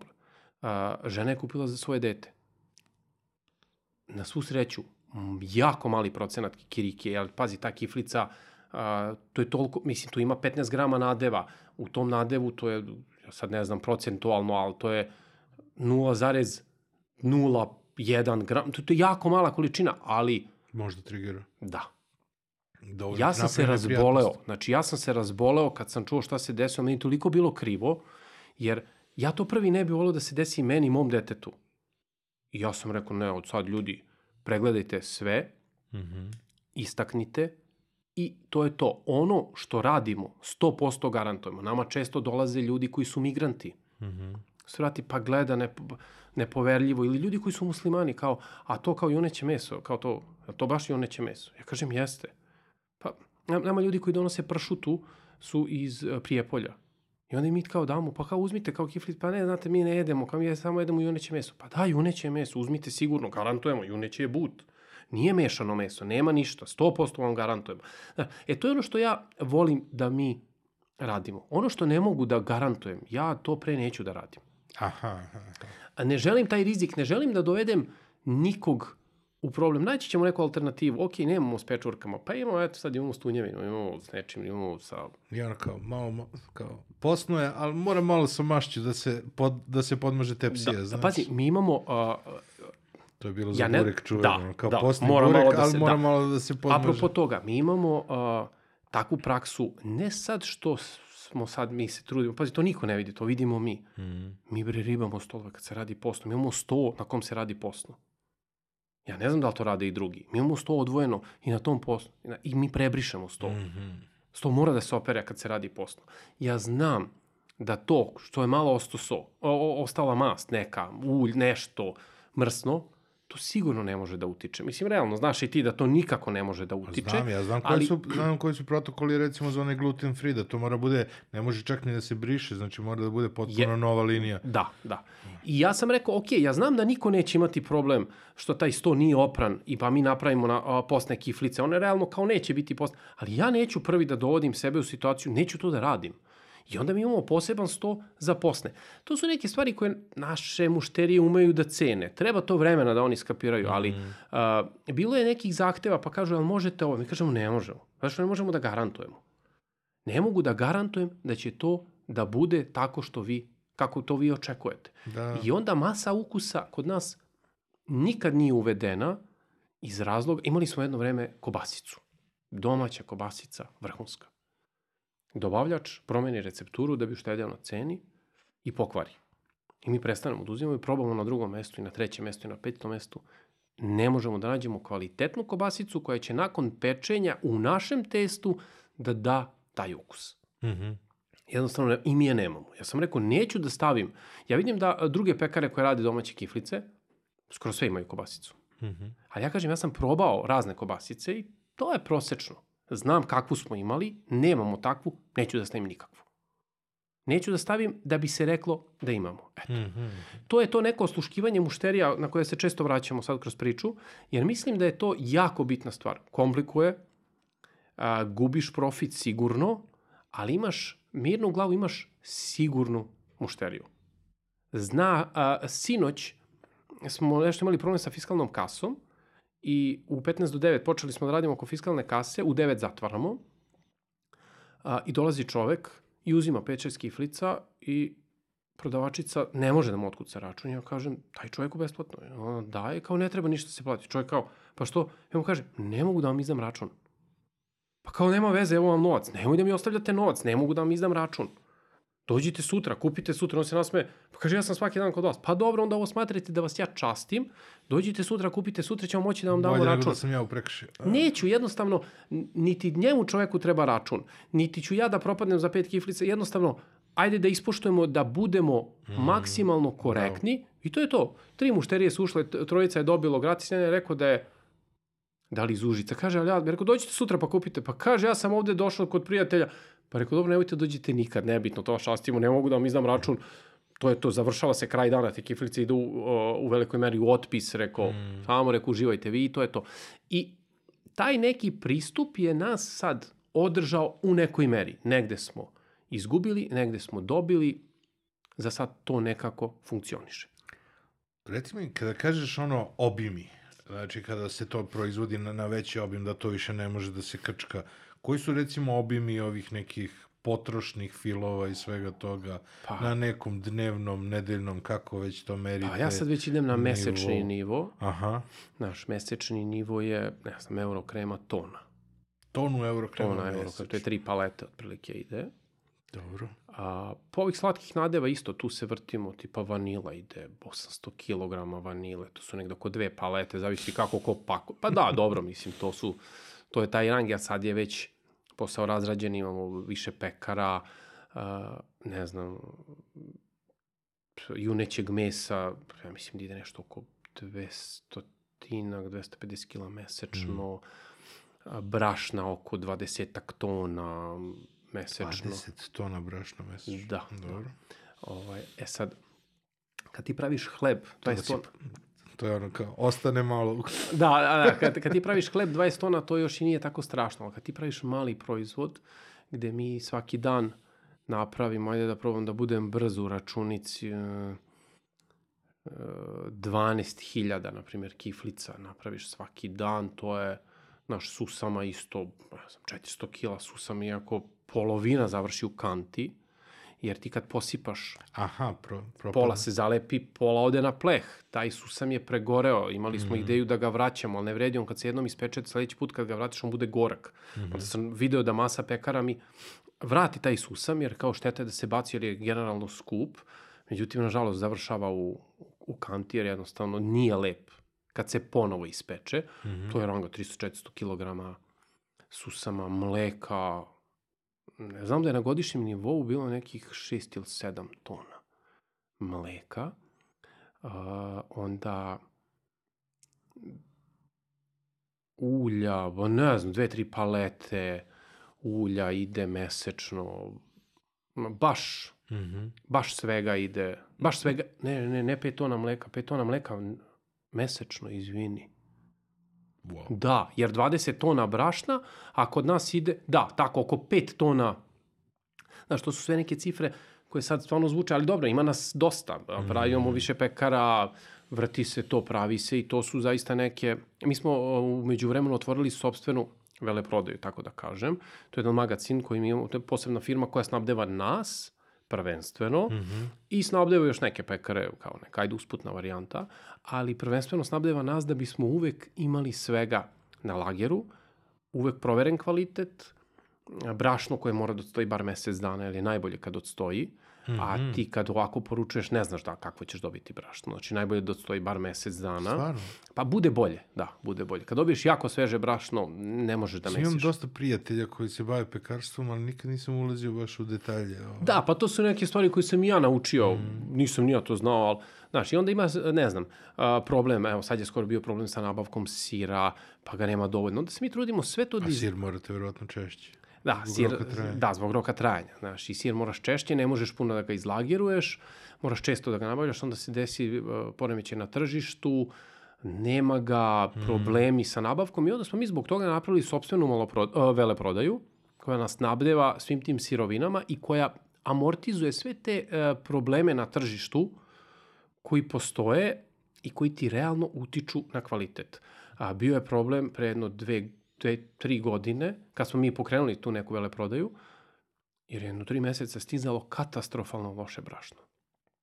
Katastrofalno loše. I ja sam posle toga rekao, tu ne možeš da napraviš kiflicu, to ni na šta ne liči. Ja sam posle toga rekao, ok, sad ćemo da napravimo drugo, imamo magazin, stavimo 40 tona brašna, pa kad najđe loše brašno, mi vučemo iz magacina ovih dva meseca, imamo snabdevanje i ne boli nas glava. Domaće kiflice sa robnim rezervama. Ajde, da, da, da, tako, ajde, može tako da Ko se kaže. Ali jeste i to je, mm, to je neophodno ako hoćeš da imaš koliko, toliko dobar kvalitet. A, kulena trošimo, na primjer, 400-500 kila mesečno, mi moramo uvek da imamo bar 30 dana zalihe. Znači 500 kg kada padnemo, mi poručujemo sledeću turu. Dobro, to Je- možda stoji još i bolje. Što, To može, stoji. da, njemu ne smeta. Ali moraš to da imaš jer dešavalo se problem sa sušarom, razno razni problemi i ti ostaneš bez, bez robe. Mm. I to ništa gore nema od toga. Jer moraš da menjaš ukus, moraš da prila se prilagođavaš, strašno. I takve stvari smo mi pokušali da izamortizujemo i to je dalo jako dobar rezultat, jer opet imaš koliko toliko isti proizvod. Ne mora to da bude uvek savršen proizvod, ali je bitno da bude isti ono što su ljudi navikli. Mm -hmm. Ja nisam pivopija, ali sam to otprilike skapirao kod ljudi koji piju pivo. Svako tvrdi da je neko pivo za njega najbolje. I ako je i loše, a on je naviko njega da pije, onog trenutka kad mu promene ukus, nema veze što je na bolje. Mm. Masa njih se, masa njih se buni. Mm. E, mi se tu trudimo s našim kiflicama da su takve kakve su i da budu uvek iste. Dobiješ ono što si navikao. Jeste, jeste. Jer mislim da, da to ljudi mnogo više cene nego te neke promene. Mada je bilo promene. Znaš kad nam stigne so, tura soli, koja nije slana isto kao prethodna. Sedi, plači. Mi smo sedam dana izgubili. Šta god radiš, nešto nije u redu. I nešto nije u redu. I kifle su bljutave i nešto ne valja. Pa koliko stavljate soli? Pa meri, pa pogreši onaj na merenju. Da bi mi posle sedam dana brknuli ono, ruku u džak, lizneš jednu, lizneš drugu, kaže, pa manje slana. Pogledamo, drugi proizvođač. Čoveč. Da. Haos je bio u, u proizvodnji. Ne, ne znaš kako da prilagodiš. Jer kao, treba bi da povećaš slanoću, ali ti nerealno stavljaš bre 30% više, više soli. To po meni znaš, utiče, u- uticaće, ne može. Na, i, I to su stvari koje te užasno frustriraju. Mislim, mene frustriraju. Ja sam mislio da je samo kristalna i morska, da su malo različite u smislu Ne, jedna i druga to, to vrsta. sam i ja ali mislio dok nis- se to nije desilo. Da. Da, jer sam zaista mislio da je so poslednja stvar koja može da se je razlikuje. so-so. Da, ne, nije so-so. Znači, neverovatno, ali ja mogu da razumem da se džemovi razlikuju. Da, da, da. Da, to je normalno, znaš, od, od proizvođača do proizvođača, procenat voća, sve. Ali da se so razlikuje, desilo se samo jednom, ali se desilo. Mhm. I sedam dana glavovolje u pekari, dok nismo otkrili šta je. Čudim me za pečurke da nema neka pasta, nešto što može da se kombinuje. Ju, ima nešto, ne, ali Isto ne zna šta je. Isto ne zna šta je unutra. Da. Znaš, ja sam uh, nabavio u jednom trenutku gotov nadev sa pečurkama. Mm. -hmm. Ja pročitam rok trajanja valjda 60 dana. Pa, mislim, Šta da radiš za 60 realno, kako to može bre 60 dana da traje? Skeptik sam. Ne bi volao. Ako se bude namestilo, uvešćemo. Ako ne, Vidao sam, ima sad već ovih novih proizvođača, možda bi trebalo koristiti neko iskustvo od njih. Jako mnogo ima ovih nekih novih koji rade sa ovim tartufima, znaš. Pa onda neka njihova iskustva. pa... Ne, ne Da. mislim da praviš kiflice. Ne, ne, da, mislim da bi baš bile, Bile bi preskupe. bile bi preskupe. Da, ali, da. ove, ali mislim da će se tu pojaviti iskustava nekih novih. Jer je Moguće, To, moguće, ali kažem ti, ja, ja sam pre za to da to bude sigurno. Jer volim zadovoljnu mušteriju. Meni je slađe, tako kroz neke e, priče kao, a, kao slažeš glavu na glavu, a mislim u, u krugu prijatelja, apropo novca, mm. kao sve kao po 5000, po 100 evra, ne, rekao, 100 dinara. 100%. Nema slađe novčanice od 100 dinara. Rekao, ja čoveku danas ne mogu da izbijem 100 evra. Mora se pomučim da mu izbijem 100 evra, ali 100 dinara mogu svakom da izbijem. E, to, znaš, mi volimo da imamo puno mušterija, volimo te ljude koji kupuju svaki dan i on svaki dan dođe i ostavi 100 dinara i on je svaki dan zadovoljan ili bar skoro svaki dan. Nekad je isfrustriran, ne može uvek da bude I to ti pomože da ti nivo, ono, tvoj da. dnevni bude konstantno. Da, da. Bilo je situacija kad ljudi ovaj, pozove pa kaže ovo nije dobro pečeno. Ja kažem, da, ok, zaista se desi. Mm. Znaš, ne, to, to nije linija, to nije fabrika, zaista se desi. I kao, pa dobro, ok, nije. Ok, doći ćemo, evo, donećemo vam novih kilogram. Dođe vozač, donese. Oni pojeli prethodno. Pa kako ljudi sad? Pa, pa kako nije valjalo što pojedoste? Pa kao nije baš da nije toliko valjalo. Bile su kao, ajde. Ovaj, I onda je bilo situacija, kad pobrkamo dostave, e, dešavalo se, kad su te tako neki veći, doga, puno dostava slave i to, pa se desi... Da, da, da, pa se desi pobrkamo dostave, onda ovima koji su poručili kulen, do, stigne šunka, a ovima koji su poručili šunku stigne kulen i samo vidiš zovu jedni, sad traži, traži, proveraš i ukapiraš kome je otišlo i mi pozovemo, znate, dobili ste, ma kaže, mi smo to pojeli. Mo, to niko nije gledao šta je. Da. O, I to je okej. Okay. Znaš, to ti je znak da, da radiš dobro. Jer ako je on poručio jedno, a dobio je drugo, mm -hmm. i on je to pojao i tu niko se nije žalio, to, to, je, to je dobar put, mm -hmm. očigledno. Koji su bili neki veliki problemi kad si ono, baš onako, ili ima neke situacije da se ti iznervirao? Ko onaj tvoj pekar. pa, pazi, ja sam generalno miran, staložen, mm. ja se trudim da to ne pokazujem ne pokazujem u, u ovaj, pogotovo ne u firmi. Ja se ovako istresam van firme, ali ne želim da me zaposleni vide. Ja kažem, ja prvo od vas očekujem da međusobno se ne svađate, da se ne vređate, jer ni ja nikog ne vređam. Mm. Ali e, bilo je situacija, bilo je situacija gde, eto, ovaj sam ti jedan rekao za, za alergiju na kikiriki, mm. to me užasno isfrustriralo. To je, ja sam, kažem, uvek po, pođem od sebe. Ja sve to što radim, ja uvek pođem od sebe kako bi ja reagovao. Mm. Uh, Bilo je situacija, vozač krene na dostavu, desi se udes, on nosi kiflice, onda kreće frka, prepakuj. E sad, obično se udes desi petkom popodne kada pada kiša, u pet. to je... Ne znam šta je gore. Najčešće vreme da. za udes. Svi vozači su zauzeti, nemaš koga da pošalješ. Uh, takve neke situacije su bile, na primjer, uh, desio se lančani, lančani sudar, uh, gde valjda 4-5 vozila, mislim da na plavom mostu to bilo, i naš vozač je bio u tom lančanom sudaru, nije čovjek bio kriv. Uh, ispred, on je udario, u stvari, da li su njega udarili od pozadi, nabacili onog ispred i svi tako, i on je izašao, sad tu čekaju policiju, auto ispred njega, dete plače, ne mogu da ga smire, uplašilo se zbog, zbog svega toga, i on šta će, uzme, pošto je išao na dostavu, ne može da izađe odatle, vidi da će da zakasni, pozove ljude, objasni da je takva situacija, da će kasniti i on ništa uzme jednu kutiju kiflica, otvori i da dete, dete tipa 6-7 godina, hoćeš jednu kiflicu, dete onako zbunjeno, valjda uzme jednu kiflicu, krene da jede i prestane da plače. Da.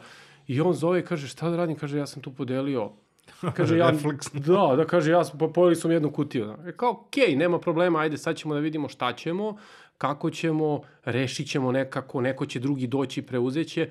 Znaš, to su stvari koje te malo frustriraju, ali mm, ako su ljudi generalno okej, okay, ako ne, ne prave tenziju veću nego što je potrebno, mm. to može sve da se, znaš, to može sve da se sredi. Ma sve može da se sredi. I taj pad servera i taj udes koji smo imali, ali ja prvo što kad dobijem informaciju, neko je imao čukanje, udes ili koji već izraz koriste, uh, kao, jel, uh, jel ima neko povređen? Se neko povredio? Kao ne, polupanje auto. Super, to je to. Bilo je situacija kada vozač kaže, ne znam, udarili su ga bušna guma, puko hladnjak, ne može da ide. Kaže, ja nisam kriva, kaže, ja sada radim svojim kiflicama. Ništa zovi taksi, sedi u taksi, idi, završi dostave. Dogovorio sam se, kaže, sve sa čovekom, super, rekao, najbitnije je da se sve reši. Da nema stresa, da niko ne pravi tenziju. Sedi u taksi, prvi idi, idi završi to, kad završiš vrati se da. na uviđaj, popunite evropski zapisnik i to je Znaš, I onda nas sad već znaju, uh, mislim, mi smo, ajde da kažem, brand koji je već poznat u Beogradu, na, mm. nas i policija, kad nas zaustavi, kad vide kutije s kiflicama znaju, da, mada naši vozači zaista nikad ne piju, jer ja sam to rekao da im nikom ne padne na pamet. A traže policajci kiflice? Uh, pa svrate, uh, svrate, ne, nikad ne traže, uvek su jako fini, ali ja sam rekao, uh, ali ne, ne to, to je sad, to nije ona varijanta mito, uh, jer ja sam rekao uniformisana lica policajci, vatrogasci i hitna pomoć na prvom mestu. kada dođu, ok, nekad plate, Mm. nekad ih počastite. Ili ako kupe nešto, dajte im još nešto gratis. Pogotovo hitna pomoć. Znači, to su po meni ljudi koji rade užasno stresan posao. Kako ne? Uh, nemamo mi neki interes sad vatrogasca ili hitno po... Od policije možemo da imamo interes, ali nije, prve, nije zaista ta namera, nego ta neka uh, lica koja zaista rade jako teške poslove, kažem, ništa nas ne košta, dajte im, počastite ih. To je jedan vid reklame. Da, da. To je jedan vid reklame koji smo mi praktikovali ranije uh, kad smo počinjali. Sve one reklame koje ti radiš, deliš flajere, reklamiraš se na internetu, pokušavaš na razne načine, ima neki svoj doseg. Uh, taj neki direktni kontakt je Mhm. se pokazao nama fantastičan. Firma jedna, prijateljica, kablovska jedna ovaj, firma, da je ne imenujemo, ajde da je ne reklamiramo, ali veliki broj zaposlenih, stotinak. Ja problem sa pominjanjem. A, pa Znači, dobro. nije samo ono televizija koja sad, znaš, moramo ok, da iz uzmemo grada SBB-a. Prijateljica tamo radi Aha. u SBB-u i ona kaže, e, kao, tek smo počeli, ajde kažem, prvih par meseci, kao, e, kao, ja bih htio da poručim, da počastim nešto, rekao, nema problema, ovaj, koliko vas ima, ma kaže, ima nas puno, ali kaže, neću ja za sve, daj mi, kaže, 2 kg da počastim tu 5, 6, 7 ljudi iz okruženja, rekao, ma sam ti meni reci koliko vas ima, ma kaže, ima nas 100. Ok, 100 puta 300 grama, 30 kila, 15 kutija, otprilike, ne moraju baš da se, da se najedu. Rekao, pakujte 15 kutija i nosite tamo. Daj, direktore, jesi normalan, pa to košta, pa nemoj to. To je bilo u samom početku kad Mhm. zaposleni apsolutno nisu razumeli poentu šta ja hoću. Ma daj, kao, to je bacanje para. Free sample. Da, da. To nikako ne, pa zašto? Pa kao, pa radimo za džabe. Pa, a rekao, ajmo, odradimo. Znači, povratno, informacija je bila fantastična. Tri put bolje nego što sam očekivao. Narednih mesec dana, ne da su isplatili, nego su toliko poručivali da je to bilo puta 30 od onoga što smo mi njima dali gratis.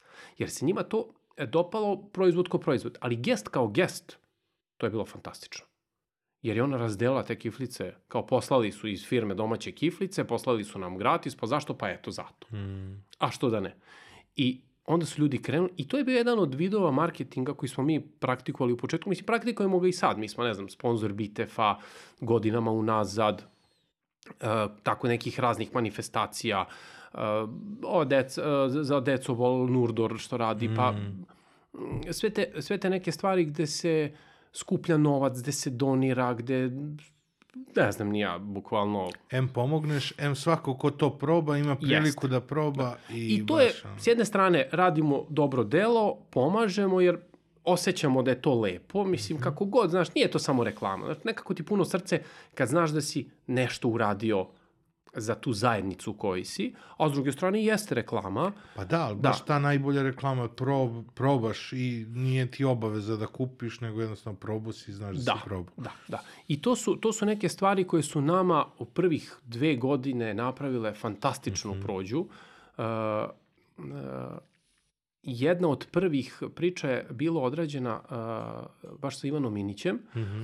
gde je on uh, me pozvao i pitao da li može da svojim komitentima, ako se ne varam za novu godinu, pošalje 30, 40, 50 adresa je bilo, da se pošalju kiflice. Ja rekao, ja, pa ovo je prava stvar. Mhm.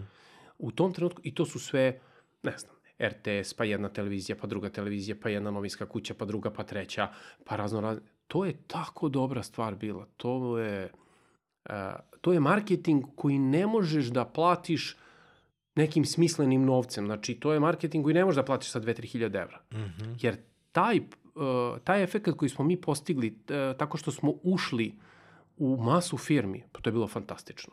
A, firma, pošto si rekao da nemaš problema sa reklamama, Ne, mislim pominjanjem brendova, Comtrade, Mhm. a, krenulo je sa, a, prvi kupac je, oni su, kako se zovu, negde blizu autokomande, prodaju, uh, prodaju uh, Hans Grohe Slavin, Aquabutik. Mm, Dobro. Da. Taj čovjek je bio u početku toliko oduševljen, mislim, ne znam, on vjerojatno i sad poručuje, ali ajde da, e, kažem, meni je to bio utisak, on je otkrio naše kiflice, on je toliko bio fasciniran. On je svaki dan zvao, on je svaki dan čovjek poručivao, onda je počeo da poručuje za prijatelje, za jednog, drugog, trećeg, I onda je, ne znam, imao je gomilu prijatelja, poznanika o, iz menadžmenta u kom tradu, hajde molim vas pošaljite danas njima tamo 3 kg, pa onda zove sutra, pa pošaljite ovima. I te stvari, onda on, on to što poruči, mi najčešće ubacimo još nešto gratis. Jer znam, to je velika kompanija, to je puno ljudi, to, to ne može da se baci. To će neko pojesti. Mm -hmm.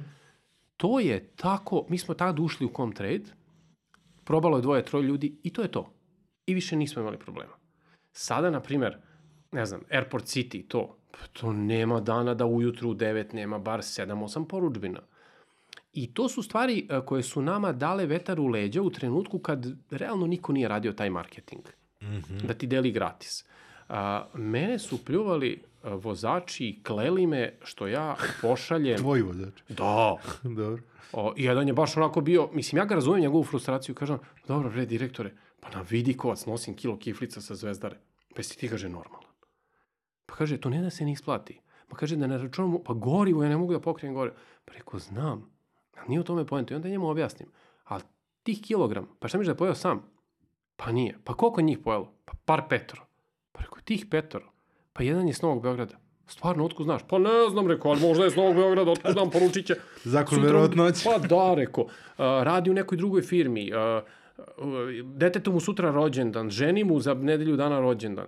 I onda smo mi krenuli sa tako tim nekim sitnim uh, sitnim isporukama po celom Beogradu, jer ako je zaista bilo besmisleno u tom trenutku, mm. mi dalje to pokrivamo, ovaj, ali, ali je taj, ti ljudi kojima ti doneseš na periferiju Beograda gde niko neće da mu donese, ti si ga kupio. On je, na ono što je zadovoljan proizvodom takav kakav je, on je prezadovoljan tom vrstom usluge. Pa zove mhm. čovjek iz Obrenovca, kaže, ja sam to probao kod vas, meni je slava, ja znam da vi to ne donosite, kako mi to da organizujemo? Ko, koja slava, ta slava, pogledamo, nije velika gužva, donećemo. Gde ćete nam U Obrenovac. Pa kako? Pa lepo, donećemo. Pa koliko je to da platimo? Ne treba platite ništa, to je nešto, uračunali smo mi nešto sitno, je to bar neke minimalne troškove. Pa kako se vamo to isplati? Pa ne isplati nam se.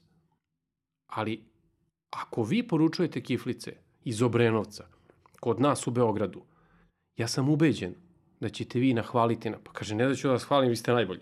Pa to nama treba. Pa nisu valjda baš svi iz Obrenovca, valjda je neko iz Beograda od tih ljudi.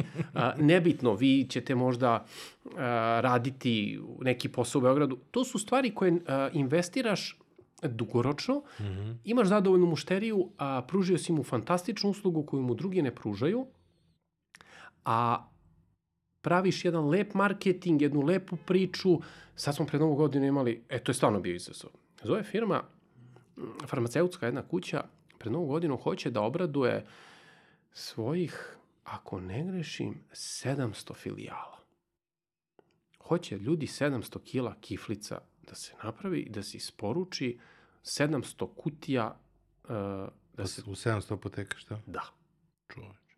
Da, to sam ja rekao. Prvo sam pitao ovu u call centru, pa ste vi primili to poručbeno? Pa jesmo, pa rekao, ste vi normalni. pa rekao, nije da sve u jednom danu. Kaže, ne, dogovorili smo se valjda u tri ili četiri dana zbog logistike, ne zbog problema pravljenja, mm. nego zbog logistike samog razvoza. Jer tu, znaš, kao sad 700 kila, wow, to zvuči mnogo. Znaš, kad trebaš da podigneš 700 kila, pa jest, treba paletarac ili, ili viljuškar da podigne. Ali kad ti 700 kila kiflica spakuješ u kutije, gabarita, 10 puta 20 puta 30, mm -hmm. to ne može da stane u tri kombija. To fizički ne može da se Razumno. spakuje. Pogotovo što ti ne može te kutije da pakuješ na 2 metra visine, nego maksimalno do 5, one trpe teret do 5 kutija jedna na drugu, su tako isprojektovane, mm. jer nikad nije bilo predviđeno. A, u, kakva, kakva glavobolja. Ali smo, na primjer, uspeli to sve i to je stiglo I ja kupujem... Sad imaš bazu svih apoteka u Srbiji. Pa da, generalno. Ali sam skoro kupovao, mislim skoro, pre možda to je 10 dana posle tog događaja, ja kupujem nešto u apoteci u Pančevu i ne znam šta je bilo, kako je ta priča se potegla, da li je ona prepoznala suprugu, ja od domaće kiflice, da, da, kaže, pa mi smo, kaže, dobili vaše kiflice. Kaže, to vaše kiflice, preko apoteka, preko, to je to, rekao, da, naše su, rekao. Pa kaže, otkud to? Pa ja ispričam, rekao, poručila je firma, htela je sve da vas obraduje i to. Pa kao, to je fantastična stvar, pa to je kao super, pa to kao nema nigde. Taj poslodavac je napravio vrhunski potez, relativno povoljno, jer da mi je kupio bilo šta za taj iznos, ne bi se oni obradovali. Ovako su dobili ne, neki lep doručak, neki lep gest, svi se to, to je išlo po celoj Srbiji, to nije samo Beograd. Oni su to, mi smo u njihove distributivne Menjate centre. brend u mali znak pažnje. Pa, e, da, da, da, eto vidiš, da, zanimljivo. I uh, onda je meni iskreno bilo puno srce kad sam vidio da mi možemo da napravimo a, toliku količinu i da izbacimo pritom radeći sve ostale poručbine potpuno normalno. I to je jedna od stvari koje ja ističem. A, postoje i druge kiflice i ovakve kiflice i onakve da ih ne imenujem, zaista ih ima puno i mm. to je u jednom trenutku, valjda kad su videli nas, počeli su, skoro svaka pekara sad pravi nekakve domaće kiflice i kao pa kopiraju nas, onda ja vidim da su moji zaposleni za, zabrinuti. Mm. Pa, pa rekao ljudi, znate šta, konkurencija mora da postoji i treba da postoji mm. i mi moramo s njima da se borimo. Rekao, vi morate samo da naučite jednu stvar. Mi treba da težimo da uvijek budemo bolji od njih. I u čemu da se razlikujemo. Svako može ti napravi 5 kg kiflica, ali ne može svako da ti napravi 500 kg kiflica. I ozbiljna firma, ako će da kupi kiflice, kupit će vjerojatno kod nas. Ako im treba veća količina. Imali smo jednu programersku firmu, sad su nešto utanjili posle ove korone, mislim da svi rade od kuće. Mm. Uh, svaki treći ponedeljak u mesecu 110 kg kiflica. Ali će početi da se sreću samo ponedeljkom. Verovatno im je tad neki događaj bio, svake treće nedelje su oni poručili, sada toga nema, je vjerojatno rade dosta od kuće ili šta je već. Ili možda nisu, mada ne verujem da baš nisu toliko zadovoljni kiflicama da se od jedan put, možda im je malo i dosadilo, ali mislim da, da su baš rekli da, da nemaju više tih e, događaja, pošto dosta rade online. Mm -hmm. A, 110 kg kiflica svaki treći ponedeljak. Mi to napravimo bez problema, mislim, bez problema, kad kažemo, sad kad bi me čuli ovoj moju proizvodnji, oko bi mi izvadili, nije baš bez problema, dođemo malo ranije, bolje se organizujemo, ali generalno možemo. I to je ono što se mi trudimo, da se istaknemo od drugih, da šta god ljudi traže, mi se trudimo, ako je to zaista nešto smisleno, mm -hmm. da izvedemo i da uradimo. I... Kako je generalno, baš me sad interesuje ovo korona, uh, cijela priča eksplodirale su dostave, kako to uticalo na vas, obzirom da ste već bili u tom dostavnom biznisu? Moram da popijem kafu, nešto mi nije dobro kako si pomenuo ovu temu. Pa pazi, da se nalažemo, korona nas je ozbiljno, ozbiljno sputala. Mm -hmm. Deo deo tih dostava koje smo radili, toga više nema. Mm -hmm. Nema proslava, jako malo ima igraonica, to jest proslava rođendana u igraonicama, pa, da. ili bar u velikoj meri je smanjeno. To je bila jedna od naših a, ciljnih grupa igraonice. Ja mislim da nije bilo dana da mi nemamo isporuku jedno bar 15 igraonica. Pa evo ja nisam slavio deci rođeno već dve godine da. veliki, da. ono, e, van to, nekog najuž, najužeg kruga. Jest. E, to je ono što nas je jako sputalo. Onda ove programerske firme, koje kažem, koji su se okupljali, uvek je bilo poljak, petak, mm -hmm. kad oni prave te neke sastanke, uh, toga je sad ili ima pa je u manjoj meri ili uopšte nema. A petkom je bilo u programerskih firma ono to, posle da, posla da ostaneš. Da. Petak, Novi Beograd, Belleville. Casual Friday sa igricama i sad. Jeste. Mm. To je bilo petkom, ovi u, naša pekara u Belleville, znači noćna mora napraviti, jer to je jednostavno takav neki trend. A, korona nas je tu u velikoj meri sputala. Mm -hmm. A, dosta toga je, pogotovo onih prvih meseci kad je bilo mi praktično nismo ni radili policijski čas. Ok, posle se to vratilo, ali generalno taj deo se do sad nije stabilizovao. Mm -hmm. uh, jedna od ideja je sada da probamo nešto malo drugačije, pa da se možda vratimo i da otvorimo još neku malo prodaju. Jer malo prodaja je ono što nas je održala. Otvorite u Žarkovu da pokrijete Obrenovac. Misliš zbog onog šterije kada, da, da. A, A koji tamo imate da. reklamu? Pa ima svuda, pazi mi stvarno, mi sad pokrijemo, koliko ja znam, pokrijemo i d... Šimanovci, vozimo za Šimanovce, vozimo za Surčin, vozimo, mm -hmm. jer tamo ima dosta firmi, onda pokrijamo Petlovo brdo i tamo skroz do onog kružnog, jel se kružni put zove onaj donji deo tamo iza Petlovog brda, kako, da je već praktično kraj Beograda. Onaj oko železnika. Da, da, da, Aha. to. Ovaj, pokrijemo zaista veliku, veliku ovaj, površinu Beograda. Ovaj, ali ne bi baš sad možda Žarkov u ovom trenutku, e, nešto, nešto imam protiv Žarkova, nego a, gađali bi možda pre a, tu neku varijantu prometnijeg nekog dela, jer mi smo uvek bežali, nama prometna ulica nije ništa bila. Znači sad je fokus na, na malo prodaja, da nas je malo prodaja, prisutniji u prostoru. Aha. Da, nas je malo prodaja održala u ovom periodu korone, jer te dostave su se drastično smanjile, malo prodaja je funkcionisala i tako smo mi preživeli. U svakom slučaju, morat ćemo nešto da menjamo. Mm -hmm. uh, ja vidim da svi doživljaju, da, ja vidim da svi doživljaju ekspanziju dostave, ali mi smo uvijek bili osim svih, o, mm -hmm. osim sveta. Znači, kako rade smi, svi mi uglavnom ne radimo tako, mm -hmm. pa kad je već to tako bilo do sad, mislim da je smisleno da i nastavimo da budemo osim sveta.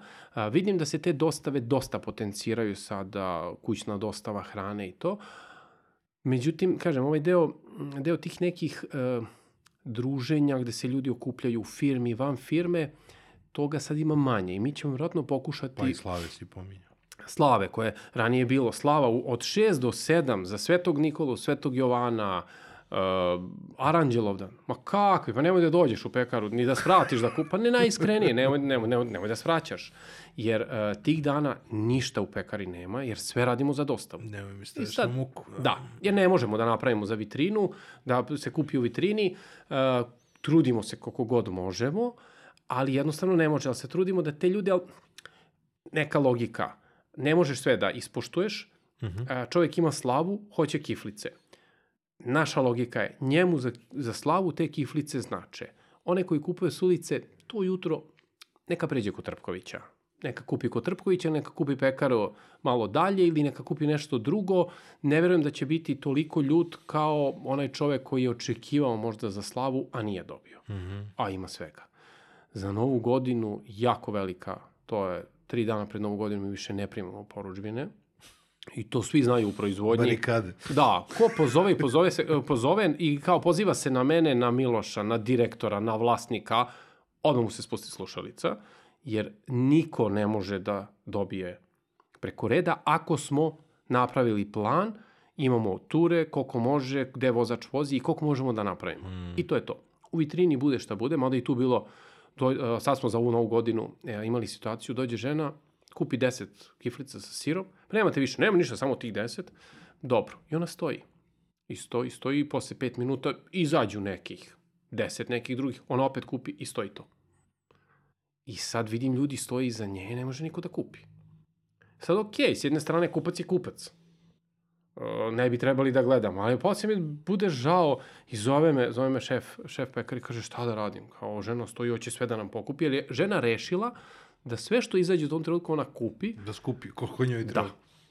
Preko ništa, izađe reci ništa narednih pola sata neće biti i on čovjek izađe i kaže, i ono se žena stvarno okrene i ode, a, kako je ona otišla, mi smo opet ubacili neku količinu i e, bukvalno, e, sad da li je to poslovno ili nije poslovno, ja ti pričam onako kako jeste bilo, mm. gde mi zamolimo ljude, pa nemojte baš sve da kupite. Kupi, ostaviti za neke druge, ja ne, mi ne možemo da napravimo taj dan više, Onda dođe čovjek, jao, žena će da me ubije, nisam poručio na vreme, mm. šta da radim, kako da radim. I onda tu kreće na tezanje. Tužna ljudska priča. Da, da, da. E sad nekom izađemo u susret, nekom ne možeš jednostavno. Uh, ja prvi ne jedem taj dan uopšte kiflice, niko u proizvodnji ne jede kiflice, jer zna da tih tri, kif, te tri kiflice koje je pojao, uskratio je nekom. Mm. I tad za novu godinu zaista ima svega i svačega.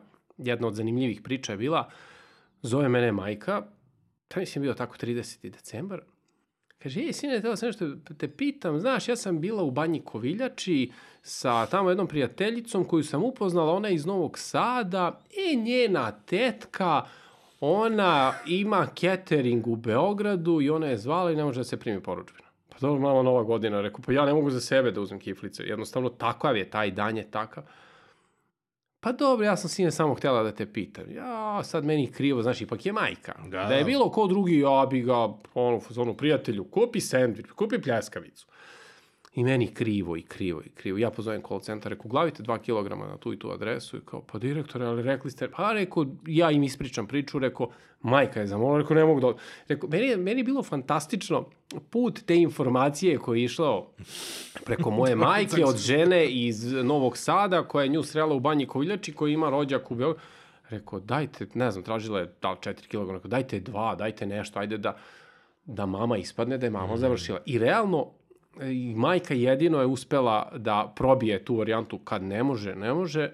Njoj smo izašli susret, ostalima nema šanse niko i to je jednostavno takvo je pravilo. Ubacili smo koliko smo ubacili i tu se držimo od toga. Opet zarad tih nekih mušterija da bi ih ispoštovali. Mm -hmm. Jer džabe nama ako ćemo mi taj dan na gomilu adresa da kasnimo, ako nekom nećemo isporučiti, ta jedna, ne, desilo se ove godine u Pančevu, jedna adresa čovek nije dobio, greškom nije upisano.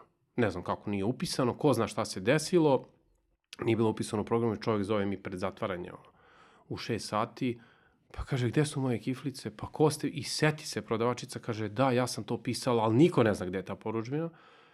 I zovu, kao, pa šta da radimo? Pa ništa, rekao, ima nešto tu, je li ostalo? Pa nema, kao ništa, nije ostalo, sve su počistili, ostalo nekog testa.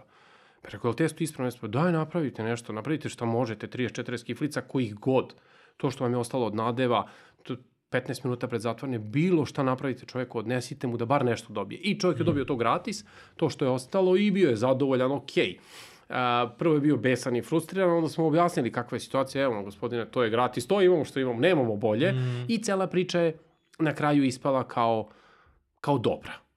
Tako da smo tu, tu novu godinu, eto da kažem, ovu poslednju novu godinu završili m, dosta dobro sa minimalnim, sa minimalnim tih nekim stresovima koji su... A reci mi kad su naručbine nekako veće, tako kad govoriš o tim nekim velikim stvarima, ovaj, onda upošljavate nekoliko različitih pekara ili... Pa bude, mm. da, bude. Kad su varijante 30-40 kg, poručbine 50, mm -hmm. onda se dešava, na primer, da dve pekare rade, svaka po pola, se zavisi od lokacije gde se dostavlja. Mm -hmm. Dešava nam se nekad da kiflice u ja zemu... Ja mislim da kad si mi slao jednom završac da je bilo deo da se pravi u Beogradu, deo u Pančevu. Sigurno, da, sigurno. A, na primer, dešava se da a, borča, ovča, krnjača, taj deo uh, često dobije iz Pančeva, mm -hmm. jer ne može Beograd zaglavljen, uh, pošto mi pratimo stalno preko Google. Mapsa Pančevački most, pa da, ne možeš, jer ako, vozač može da ode, ali ne može više da se vrati i ti ostaneš bez vozača. Mm -hmm. I onda se dešava da prepakujemo, pa kao radi Pančevo. Pa kad je gužva, dešava se, ne baš često, ali se dešava da Altina, mm -hmm. dobije kiflice iz Pančeva, jer je autoput blokiran. Aha, onim novim putem. Jeste, novim putem. Pančev u tom trenutku ako nije u gužvi. I tako, uh, ima često tog prebacivanja mm -hmm. sa pekare na pekaru, kombinujemo uh, da se uzme iz dve pekare, pa se vozači nađu na jednoj lokaciji, pa jedan preuzme obe, pa nastavi mm -hmm. dostavu ili prepakivanje, ono što je dobro kad, znaš, kad imaš softver koji uh, ti organizuju sve te, sve te dostave, e, ti onda prepakuješ dostave u, u, u realnom vremenu, sad ćete vi praviti ovo, a vi ćete praviti ovo da bi ovi mogli da naprave ovo, pa ne znam, jedna pekara mm, ima slobodnog lufta, a ovi su, ne znam, na primjer, na Zvezdari su gužvi, a onda ovi iz Pančeva kao, pa mi nismo u gužvi, aj pravit ćemo vam bar nešto za vitrinu, pa onda oni prave malo sira, malo šunke, malo kulena i to donesemo i stavimo odma ovaj, u prodaju da bi se to koliko toliko nadomestilo. I sad to ima tu prednosti kad imaš više pekara, ali iskreno ima i glavo bolje. Jer organizovati deluje nekad... Mi, deluje mi zabavno, samo verovatno. Deluje ti samo zabavno ovakvu trenutku da vidiš u call centru kad uđema koleginica koja, koja vodi call centar sa frizurom, ne dao ti Bog, ovaj, uh, rekao, šta je bilo? Ne pitajte, kao ovo sam ovo, kaže, ne znam na kraju šta sam uradila, ali ona, uh, da bi da bi izvela tako te neke, e, neke mahinacije, ona mora da prepakuje, sad ovaj vozač ne vozi ovo, nego vozi ovo drugo, pa ti ideš tamo i sve je to okej. Okay. Kad je sreda, u 10 prepodne, a kad je petak u 5 popodne i, pada kiša. i padne kiša, ja mislim da ne postoji ništa gore. Sad su, kad je bila sad ovaj sneg, zovu vozači, kolegu koji, koji ih vodi, koji ih organizuje, uh, I kaže, šta da radimo? Kaže, mi ne možemo brže od 30. Pa ništa, zovite ljude, led je svud snege. Zovite ljude, recite kasnimo, mm. ne možemo. Jednostavno, nemojte da srljate, nemojte da lupate auto, nemojte da upadate u problem, pozovite. Ko se naljuti, naljuti se. Ne možemo jednostavno. I tu onda nastaju često problemi e, sa kašnjenjem, sa prepakivanjem, sa... Ali dobro, to je nekad, to ovako meni, znaš, ja nekad sednem tako u kancelariji pa gledam šta oni rade, taj naš call centar, 4-5 operatera koji svako ima laptop i veliki monitor od 40 inča, e, monitor, televizor od 40 mm. inča gde gleda mapu i sad ja gledam i to tako nekad i meni, kao što ti kažeš, tele baš tako lepo i zanimljivo, ali kad vidim po njima, one, izgore skroz, jer nekad je zaista frustrirajuće. Vozač tvrdi, pa ovde ne mogu da prođem, ovde se ulica raskopava, ona to ne vidi na Google mapi, mm -hmm. Onda ga ona preusmerava na druge strane, on kaže da, ali tamo je semafor, me drži dugo, skretanje levo, pa se onda malo nekad svađaju, mm. pa mislim, ali to je, to je normalno, jer posao je živ mm -hmm. i tu su svakakve situacije. I pored svega toga reši si da pokreneš još jedan posao. Uf, jesam, malo me ovo, da, kuci me pitao. Ovaj, a jesam, bilo mi malo, u stvari, ne, nije sam ja pokrenuo... Zabavno mi je, zato što je to je opet još jedan posao koji se naslanja na nešto mm, što ti da, radiš. ali nisam da, ja pokrenuo taj posao što sam ja hteo. Mene je muka naterala. Isto kao ona veleprodaja. da. Pokrenuo si proizvodnju ambalaže. Jeste, pokrenuli smo proizvodnju ambalaže. Ali zaista muka, jer je bio problem u nabavci te nema kartona, te ne stiže dobavljač, te frka, te, ja kad nemam kutije, mi ne možemo da radimo dostave. Ne, znači, ono vraćanje na, da pakujemo mm -hmm. u neke pizza kutije apsolutno ne dolazi obzir, ali to je nefunkcionalno. Uh, I rešio mi, kupio mi mašinu za pravljanje te kartonske ambalaže, samo to da možemo nama da napravimo i krenemo sami da pravimo. I ok, i kao rešimo problem. Sad više nemamo problema sa nabavkom kartona, nabavljamo sami zalihe, lagerujemo karton, pravimo sami kutije. Uh, To sam ja mislio da nemamo. Evo, jutro slušam kolegu koji radi u tom delu za kartonažu i kolegu koji koji vodi proizvodnju i ovaj ga pita kada će mi budu kutije? Pa ili imaš, kaže, zaliha do petka? Pa nemam. Pa joj, bit će ti u četvrtak uveče. Pa zašto? Pa ne mogu prinosem neke druge poručbine. Pa znam, ali mi smo primarni. Pa znam, ali znaš. I tu kreće. A, usput, radeći te svoje kutije, došli smo na ideju da radimo pizza kutije. Mm -hmm. Znači ne kartonaža ko kartonaža klasična, pravimo ovo, pravimo ovo, pravimo sve. Ne, ne pravimo. Mi kao i sa pekarom. Opet fokus. Opet fokus. Mm -hmm. Znači, samo u jednu tačku. Domaće kutije. Pa sad da, domaće kutije, ali za pice. Aha. I pravimo samo pizza kutije mm -hmm. u svim veličinama. Od FI 20 do FI 80. Znam, traži jedan čovek. I ja sam se čudio. Gde ima pizza pa od 80? Pa ima u Beloj crkvi i u Vršcu. Stvarno? Da. Dobro. Da. Ovaj, ali da, to je baš redko. Uh, pizza 60 je neka, da kažem, gornja Max, koja poradiš. ide. Da, da. Obično su ono 50 ka 32 i onda rešio mi da pravimo u slobodno vreme da pravimo pizza kutije i malo po malo, mhm. malo po malo, posle godinu dana dođemo do toga da sad mi imamo ozbiljnu proizvodnju pizza kutija, a, gde sada kaskamo sa proizvodnjom a, kutija za domaće kiflice. A, I to je sad malo onako problem. Kad je to krenulo? Kad ste krenuli to? To je da krenulo pre nekih godinu i dva, tri meseca. Pa tačno kako je za, za vreme pandemije krenula jeste, dosta. Jeste, jeste. A, I trebalo, jedno šest meseci smo lutali, mm -hmm. ja sam se tu malo bavio time da vidim kako to funkcionira. Znaš, kad ne znaš posao, isto kao što nisam znao ni pekarski, pa sam ga učio umesto oklagije koristio flašu, tako sam i ovde, pa kupiš jednu mašinu, pa to ne radi, pa popravljaš, pa ovo, pa dok ne naučiš sve. Međutim, sad je to već neka stabilna priča mm -hmm. i uh, praktično smo iskopirali ono što smo radili u pekari. Mm -hmm. Ja sam sad to probao da iskopiram i da prilagodim tom nekom, toj nekoj drugoj klijenteli. Mm, to su te pizzerije koje su kao i svaki kupci imaju neke svoje specifičnosti. Mm -hmm. uh, šta sam ja shvatio? Shvatio sam da su oni imali, da oni imaju problem isti kao ja koji sam imao. Ja poručim kutije i ovaj mi kaže bit će za dve nedelje. I ja ću da se obesim. Mislim, zaista hoću da...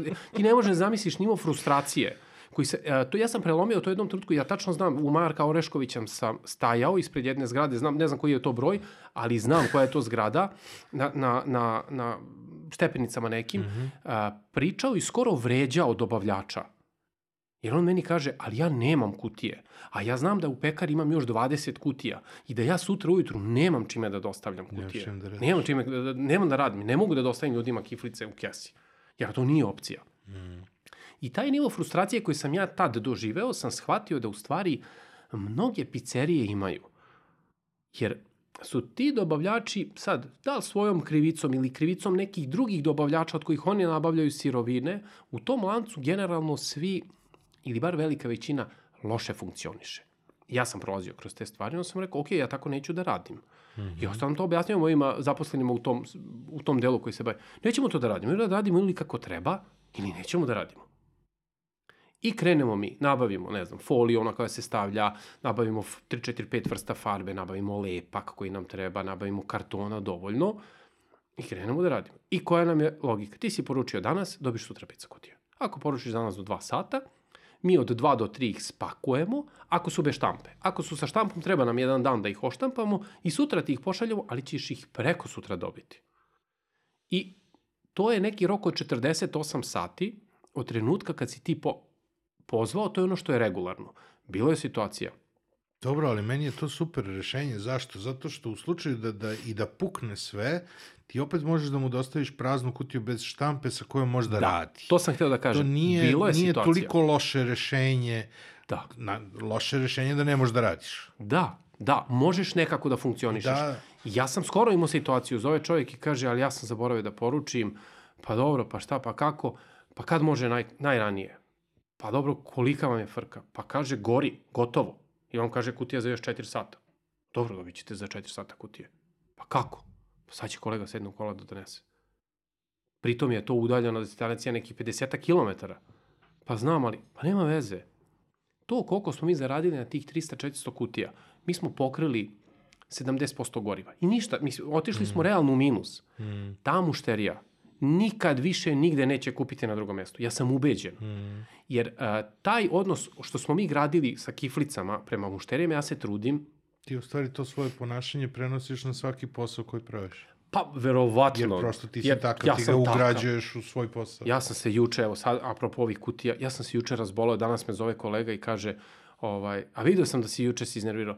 Zove čovjek iz Kikinde, koji poručuje specifičnu dimenziju kutije, još sa lepljenjem folija. Imamo problem, a, puno ljudi nam je bolesno zbog korone i Mhm. jedva nam radi sada kartonaža, ali radi. Mhm. I on traži tu specifičnu veličinu još sa, sa folijom. Nema ko da zalepi foliju, jer su ljudi bolesni i pritom traži mala količina, mislim 100-200 komada, nebitno koliko god da čovjek Mhm. traži. Pa kao ne možemo, izvinite, ali ne možemo nikako, možemo tek sledeći ponedeljak. On kaže, pa da, ali meni je to kasno, nema veze, uzet ću kod starog dobavljača. Meni se srce pocepalo. Ja sam teo da, da crknem. Ko ti puca u nogu? Da.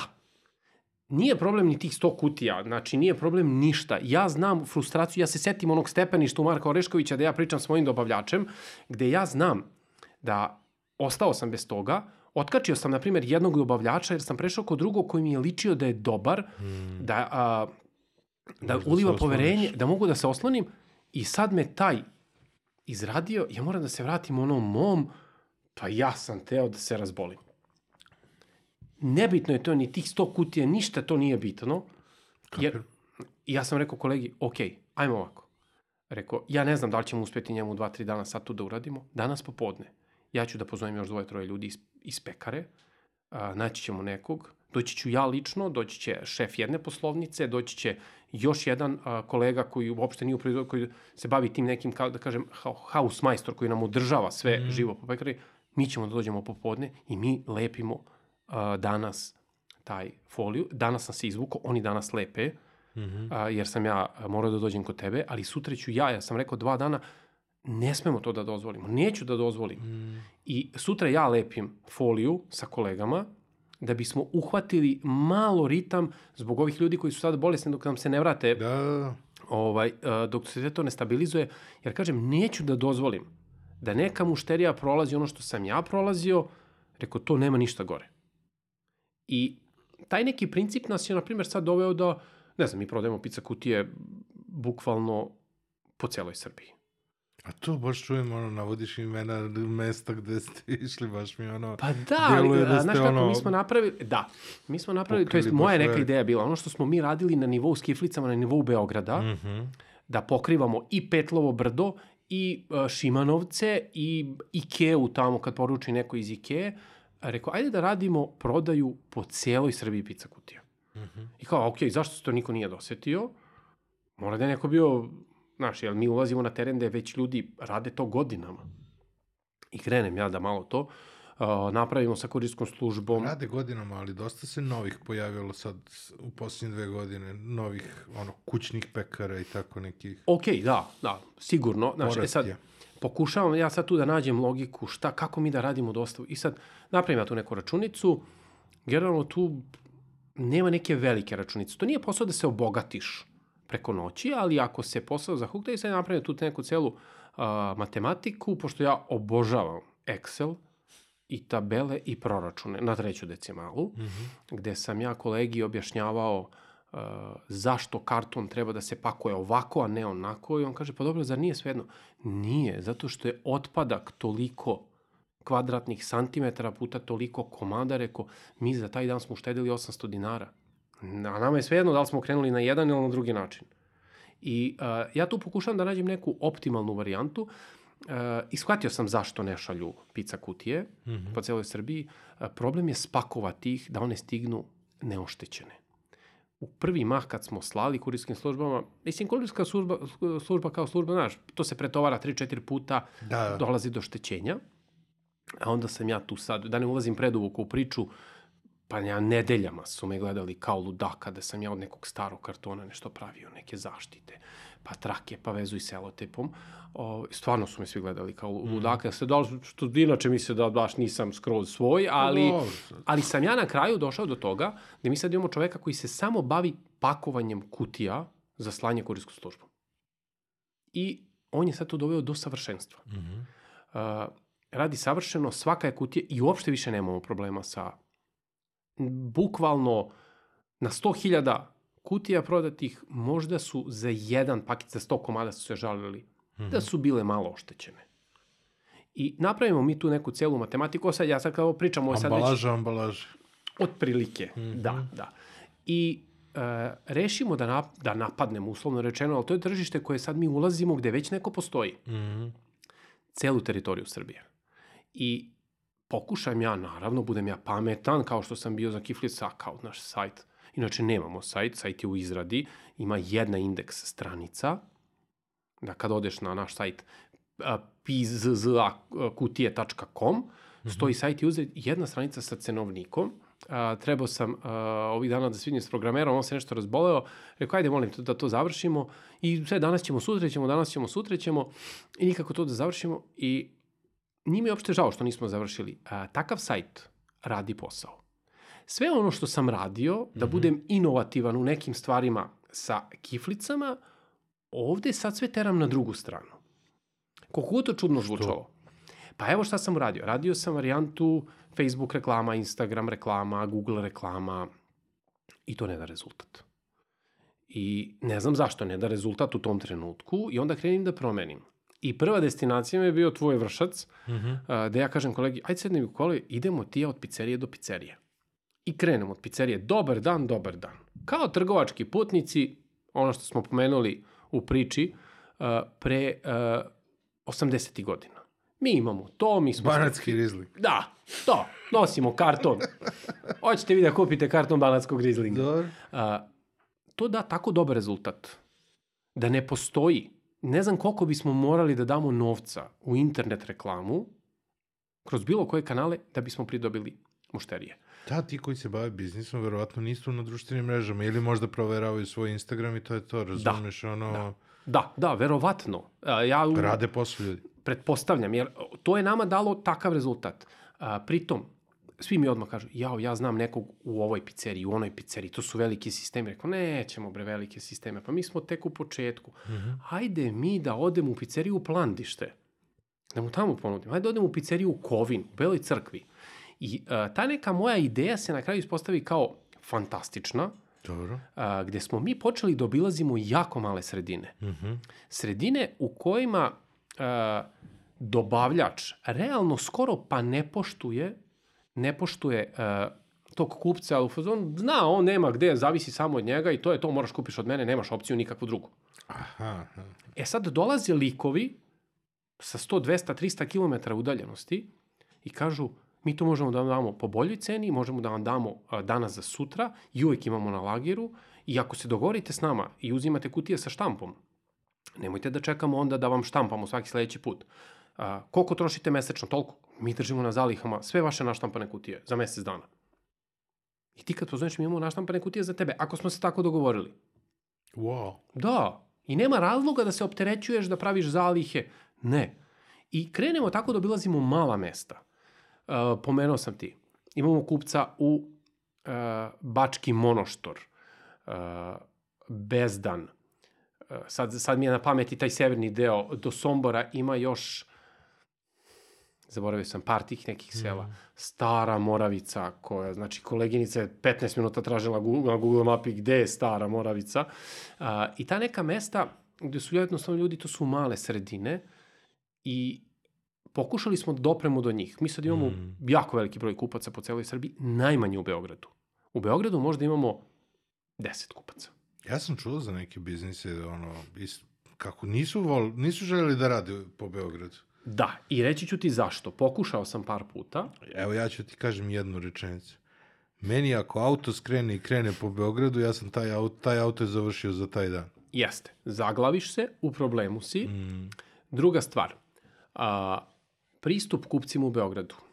Svi napadaju tržište Beograda jer je velika koncentracija mm -hmm. firmi, ljudi, svega i svi napadaju Beograd. Kao što su i meni savjetovati, znaš, ja imam čoveka u Karibik pizzerija, ja imam čoveka u Big Pizzi, ja imam uh, čoveka u raznim lancima mhm. pizzerija. Mm -hmm. Rekao, ne, pa doći će oni sami. Pa kako će doći? Pa verujte mi, doći će. I zaista neke velike pizzerije su došle same kod nas jer su čuli, čuli su kroz neke priče za nas, uh, jer drugačije je to kad ja tebe bombardujem, kupi, kupi, kupi, kupi, kupi, I drugačije je to kad ti čuješ negde sa strane da ima neko ko radi, Aha. naš, i zainte, a što taj ne radi sa mnom? To je jedna stara priča, ja sam to, ajde sad, blag, nije baš vulgarna, ali jedan moj drugar, pošto sam ja odrastao, mnogo vremena sam proveo selo pored Dobrenovca, Skela, odakle su moji roditelji, mm -hmm. i tamo sam upoznao jednog djilkoša, ajde da kažem, I on kaže, ja kad odem tako u neko susedno selo, to je davni godina bilo, još ono kao te igranke, mm. ja kaže, gledam najružniju devojku da je priđem. Preko što bre najružnije? Pa lepo, ja priđem njoj i sve oko nje. A onda sve ove druge se pitaju, a što je on prišao njoj, što nije meni? Mislim, koliko je to zaista u praksi a, istina ili ne, meni je to ostala kao jedna anegdota a, gde, sam, gde sam ja pokušao to da priđem ljudima a, običnim malim pizzerijama mm -hmm. a, koje sam pustio da šire priču i da to ide lagano, uz naravno neki minimalni taj marketing, ali iskreno, najbolja je ta, pokazalo se u tom poslu, ta reklama gde ti odeš kod njega, popričaš malo. Ne možeš baš sa svakim, mm. ali ako odeš u jedno mesto, posle se, uh, znaš, u Kikindi ili u Somboru, znaju se svi međusobno. Uh, ba, bar koliko toliko komuniciraju. Pa znaš i ti, u Pančevu, u Vršcu. Koliko... Kad završiš Sombor, Bezdan ti je završen. Pa da, da, da, da, da. I uh, tu sam ja pokušavao da pristupim tim ljudima koji nemaju neku alternativu i koji su prinuđeni da rade s tim šta mogu, jako su lepo reagovali, mm -hmm. jer im daš fantastične cene, daš im vrhunske uslove, daš im uslove koje bi realno morao da daš u Beogradu i da pritom se još dodatno trudiš da prodaš. Mm -hmm. Koliko god ono, jer su ljudi ovde skeptični, svi ih bombarduju. Svi kupi ovo, kupi od mene, kupi od mene. I tako smo mi počeli. I sad mi bukvalno prodajemo sve oko Beograda, samo Beograd zaobilazimo. Mm -hmm. Što zbog one gužve, jer jeste problem, poruči čovjek, imamo kupca u Skadarli, kaže, možete mi da, kako da uđem u Skadarliju sa 300 kutija? Pa ne mogu da nosim 300 kutija, imaju 50 kila, ne mogu da nosim na rukama. Pa da. Ali čovek, čovek to zahteva. I ljudi u Beogradu su mnogo zahtevniji zbog jednostavno takvog načina poslovanja. Mi smo se širili, sad mi, ne znam, imamo kupca u Raškoj, na Kopaoniku, Leskovcu, Dimitrovgradu. Koja vam je najdalja destinacija? Pa Bezdan, Ja mislim da dalje od Bezdana nema. Pa dobro, ima južno. To je to, a južno je Dimitrovgrad prema bugarskoj granici, mm. dalje od Dimitrovgrada nema. Da. Raška, jedno selo posle Raške, znači kad dođeš do graničnog prelaza sa Kosovom, pa tu skreneš levo, Šipačina se selo zove. Mm -hmm. Jedva se kolega snašao tamo kad je otišao kod njega, pošto mu je nešto vozio, neka je bila isto ta hitna varijanta, pa smo to tako završili, iako je zaista absurdno nekad ići na takva mesta, ali uh, jedan čovjek iz Raške koji nam kupuje nas je preporučio na bar još deset drugih mm -hmm, ljudi mm -hmm. i ta jedan, kog smo tad ispoštovali, realno nismo imali neki profit, nam je napravio sada vrhunsku priču. To je ona pri... Opa, Očigledno se to ponavlja ona priča, kao, kao model. SBB, davanje da. gratisa, da. I, ne znam, eto, Raška s te strane, pa neka mesta tamo ispod, uh, ispod Leskovca, ali sad ne, ne znam tačno. Znaš, nisam ja baš sad skroz u, u toj materiji pa sad da pratim baš svaku mm. poručbinu, ali uh, takve, neke, uh, takve neke varijante gde ti vidiš da si stigu u takvo neko mesto, znaš, imponuje ti. Nemaš ti tu uvek profit. Ali ta neka zaokružena cijela priča, kao što nemam ja profit ne donesem na, na vidikovac kilogram kiflice, sigurno to... Kapiram. Znaš, ali kreće onda, i onda sam, na primjer, iznenadio sam se da me čovek zove uh, iz Kraljeva i kaže, mene, kaže, vas je preporučio čovjek iz Vršca. Kako si ti, prijatelju iz Kraljeva? So, ispostavlja se da oni imaju neke rodbinske veze, nešto. Šurak. Da, da, da. I uh, taj koncept koji smo mi radili u kiflicama, ja sad to pokušavam na taj biznis da, da prebacim, S tim što kažem, sad se svi reklamiraju na internetu, sad je sve na internetu, najlepše su slike, najlepši su videi. Mi sad to pokušavamo, jer ja sam probao i to nama nije dalo rezultat. Pokušavamo mm. da idemo, ono što sam rekao, sad svi idu na desno, a mi pokušavamo da idemo na levo. Uzvodno. Da, Pa sad, da li oni idu uzvodno, možda mi idemo nizvodno. Pazi, uh, sećam se priče iz uh, Mikijevog almanaha kao klinac o Baji Patku, kad ga pitaju kao neki intervju kako ste postali bogati i sad on priča na divljem zapadu, kad se delila, delili imanja, pobodene zastavice, 60.000 ljudi puca pištolj, 60.000 njih trči, ko zgrabi prvi zastavicu, dobio je tu parcelu. I on kaže, pa šta, vi ste bili najbrži? Ne, 59 1999 je odjurilo da juri te zastavice. Ja sam ostao ovde i uzeo sam sve ovo što je ostalo. A, mi se trudimo da radimo to. Svi rade jedno, mi pokušavamo drugo. Ne znači da smo u pravu. Često mi grešimo, jer ima razloga zašto svi neće da rade to, ali ako pogodimo da to bude dobra stvar, onda je to zaista vrhunska stvar. Jer sad se na ovim nekim stvarima, te kartonske ambalaže, konkretno tih pizza kutija, pokazalo kao vrhunska stvar. Mm. Gde mi sada prodajemo, ne znam, mesečno 200.000 kutija po celoj Srbiji, a na primjer Beograd nismo ni zagrebali. Znači, bukvalno možda 10 pizzerija. Možda... Ko, ko dođe, dođe. Da. I e, ne jurimo ih, jedan od razloga zašto, ja, ja sam rekao, mi smo novi u priči, ulazimo polako, mm. uh, ne želim da odjedan put uđemo i da se ne snađemo. Ajde da idemo postepeno, idemo polako sa ljudima koji povlače manje količine, sa ljudima koji su manje zahtevni, koji, koji nisu ono isfrustrirani, ali ljudi koji rade u Beogradu su jako isfrustrirani za svaku sitnicu, jer se brine, isto kao i ja sa pekarom, da svaki detalj na kutiji bude perfektan. Mm -hmm. Dok ljudi u manjim sredinama ne prave takve probleme, jer pravimo mi greške. Mislim, rupica, ovo nije dobro, pa ono nije dobro savijeno, pa onda mi to prepravimo, ono nam sugerišu, pa mi sad više ne pravimo tako, nego pravimo drugačije. Ali to nije problem, znaš, kad, kad u Čantaviru čovek kupuje, pa nema problema, meni je bitno da vi dođete, ljudi, ali ćete mi doneti, hoćemo, nema problema, pa, pa kao poručili ste, ne znam, greškom bele, a trebali su vam brown, pa nema problema, pa prodaće se, sve okej, okay, znaš. Ali to ako uradiš u Beogradu, da, ti da. si u ozbiljnom problemu. Da, da. I ja razumem te ljude, jer su ovde i kupci takvi, a tamo onaj u Čantaviru ili Čeneju.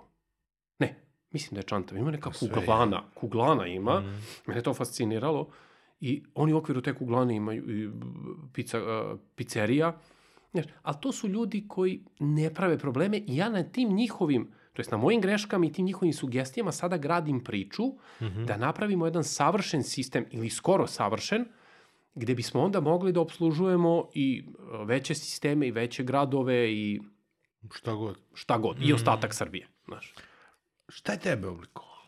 Šta je to negde kroz, kroz tvoj život? Šta, od koga si ti učio pa si formirao takav sistem vrednosti da tako gradiš poslove? Bolest. To je poremeć. to ne može niko da te izgradi. Da, dobro, ali imaš neku ono, osjećaj za perfekciju, ostalo možda je obsesivna, ali... Ovaj... Ja mislim da jeste. Mm -hmm. Ja mislim da jeste. Pa, uh, mislim da sam se s, tim, s takvim stvarima rodio. Mm -hmm. A, imam dva klinca, Mm -hmm. Jedan je pet godina, drugi je tri, potpuno su različiti. Ovaj stariji je siroma ko ja. Međutim, ja sam baš pričao skoro sa suprugom. Uh, rekao, takve stvari ne treba da budu hendikep. Takve stvari možeš, ako dovoljno vežbaš, da iskoristiš da ti budu uh, prednost u odnosu super na druge. Da, kao baš to, kao neka vrsta supermoći. Ja se sećam sebe kao klinca, uh, imao sam računar od neke 89. godine, Commodore, pa posle neki Pentium 3, ne Pentium 3, bože, Pentium 386, mm -hmm. pa sam posle menjao Pentium 2, pa Pentium 4, pa kako je to već išlo više sad? Da, da. Znaš, ovaj, i ne znam. A, ja se sjećam igrice koje sam igrao. Ja sam svaku tu, one strategije sam obožavao. Mm -hmm. Ja sam svaku igricu igrao do perfekcije. Igra tipa civilizacija, prvi deo. Pa ja pokušavam, pa to nije dobro, pa mi ubiju tamo neke moje vojnike. Pa ja opet se vratim na snimljenu poziciju. Pa i pokušava i drugi, pa ne valja. Pa opet... Ja sam nekad jednu sekvencu igrao satima ja ipak mislim da je to poremećaj. Dok ne vidiš perfect outcome. Dok ne vidim, da. Ko je savršeno. Da. A, to mene ispunjava. Ja sam ljudima pokušavao kad kažu, a, a ti juri stalno pare. Ne jurim pare. Ja jurim perfektan posao. Ja jurim savršenstvo u poslu. A pare onda jednostavno, znaš, kad je posao dobro postavljen, dođu same po sebi. Te neke stvari taj moj neki nedostatak i problem što ja primećujem detalje neke, ne sve, supruga -hmm. moja tvrdi da ja masu stvari ne primećujem, pogotovo u kuhinji da se nešto skloni, pomeri, fakat ne primećujem, jer ja njoj objašnjavam kako moj mozak funkcioniše tako da ja, ono što mi je bitno, ja se na to usresređujem, ono što mi mhm. nije bitno, ja bežim od toga. A, tako te neke stvari, mislim da sam sam učio, nisam imao ja nekog posebnog učitelja, osim oca koji je govorio da uvek trebam da budem korektan prema svakom, -hmm. i da mhm. svakog moram da ispuštujem i da reč koju dam, moram da stojim iza te reči. Uh, to, sam, uh, to sam uveo u posao i posle evo puno godina u poslu, uh, kada čujem uh, informaciju neku gde moji zaposleni odu i kažu, pa znate, mi smo iz domaćih kiflica, došli smo neko da, nešto da kupimo, uh, da nam date fakturu, kao, a da, nema problema, pa kao oko plaćanja, pa ne, platit ćete. Jer ljudi već znaju kakva je naša firma, da mi nikom nismo dužni, da sve plaćamo. Svi kada čuju da naša firma od njih nešto kupuje, svi automatski skoro imaju neko izgrađeno poverenje. Sad, nije to došlo što sam možda ja takav, nego što je generalno cijela ta firma se trudila, naravno pod mojim nekim uticajem, da radimo korektno, mm -hmm. da nikog ne prevarimo, da nikom ne ostanemo dužni. A te neke stvari koje sam tad od oca tako naučio, ja sam verovatno kroz posao se trudio da prema svakom kupcu a, ispadnem korektan, da svakog ispoštujem. Mm -hmm. I a, sve te sitnice su mene verovatno izgrađivale i taj neki posao koji sam ja radio i mislim da je to na kraju dalo rezultat. Ali definitivno je to kod mene blagi poremećaj koji ja pokušavam da usmerim u pravilnom smeru. Jer ja često u proizvodnji, da li je to kartonaže ili su sad kiflice ili su to dostavljači, ja često volim da stojim i gledam šta ljudi rade. Gde uh, vidim gde oni greše. Ne što oni ne znaju da uoče, nego oni gledaju iz jednog ugla, ja gledam sa strane, stojim i potpuno drugačije vidim. Ja to satima mogu da posmatram i tražim uh, neku optimizaciju. I ja to stalno radim. To je jednostavno moj mozak tako radi to Da, samo što u životu nema snimanja pozicije. Uf, to je da. Znaš kako mi to nedostaje. A, da, da, i tu grešim. Mm. I, pazi, daleko toga da ja ne grešim. Masu puta, masu puta pogrešim, ali u suštini uh, više puta pogodim nego što promašim. Mm -hmm. uh, ja to pokušavam nekim mojim zaposlenima, pogotovo ljudima u menadžmentu, da objasnim. Stvar možeš da uradiš na dva načina. Možeš da je studiraš do u beskonačnost i da izgubiš tri nedelje mm -hmm. i da je uradiš iz prve perfektno. A možeš ko sivonja odmah da zapneš i da pogrešiš. I drugi put da pogrešiš. I posle tri dana grešaka i mučenja da dođeš do pravog rezultata. Ali si to postigao za tri dana, a ne za tri nedelje. Mm -hmm. Ja ranije sam to radio mnogo više. Zapnem odmah, pa pogrešim, pa ajde ponovo, pa pogrešim, pa ajde ponovo, pa dok ne dobijem rezultat. Mm -hmm. Potrošim jako mnogo novca, mnogo vremena, mnogo energije, ali dobijem rezultat za tri dana sad, kako sam malo stariji, kako je firma veća, sad sam i ja postao malo oprezniji, pa sad nekad umem i ja da zakočim. Dobro, na preseku teorije, praksi i iskustva, znaš. E, da, da, da. E sad, eh, sad ja više nije baš da sve radim ad hoc, ali se generalno trudim da brzo stvari rešavam, koliko god je moguće. Pa po hmm. cenu da pogrešim. Pazi, ja sam svestan da masu stvari ne mogu isprve, ali ne, ja to ne gledam kao grešku. Mm -hmm. Ja to gledam kao eliminisanje pogrešne opcije. Znači imam pet opcija. Da, Ako pogrešim četiri, nisam ja pogrešio četiri puta, ja sam četiri opcije eliminisao, ostala je peta i peta je dobitna. I to je to. I to je mene kroz prvo kroz one igrice sa save opcijom, Da. ovaj, u stvari ne čak ni sa save opcijom, sa save as opcijom, gde ja snimim Alternative. da, da ja mogu da granam svaku opciju, da razgranavam dalje, gde bi mogao da ko zna šta još otkrijem. Znači, ta save as je fantastična koja je koje je smislio, daleko bolja od, od, od ove save, gde se ti uvek vraćaš na identično. Ovako ti pruža neke mogućnosti. Ja sam se tako izgrađivao, znaš, prvo uh, na fakultetu, to je realno krenulo sve od fakulteta, znaš, jer fakultet je jedna, bar ovaj moj ETF je potpuno jedna druga sredina, gde ti vidiš gomilu čudaka, gde svi razmišljaju na različite načine, gde, gde ti oni otvaraju neke vidike, se sećam kolege, a, kolege iz Kikinde koji dolazi jedno jutro drogiran. Ne vidi na oči. Rekao, šta si ti crni čoveč radio?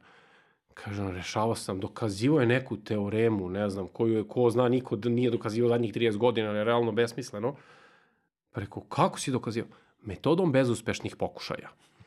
Seo je u šest popodne i do šest ujutro je pokušavao dok na kraju nije istero. Pa rekao, znam, ali to je već dokazano. Pa da, kaže, ali ja sam pokazao da to može. Ponovo, sebi sam, kaže, to dokazao. Mm. E, tu su neke stvari koje ti, na primjer, na faksu vidiš da postoji takvi likovi. Ne kažem da je to taj put uvek ispravan, ali takve neke stvari, ja sam to počeo na fakultetu da posmatram razne ljude i sa tog fakulteta sam ja počeo sa tim nekim malim biznisom, mm. baveći se raznoraznom nekom tehnikom ili prodajom ili čime već. I to je mene malo po malo izgrađivalo. I ono što sam ja radio 99. 2000. kad je to još bilo mm, e, piraterija, prodaja DivX filmova, za, zakonski je to bila piraterija, ali to je bilo tolerisano.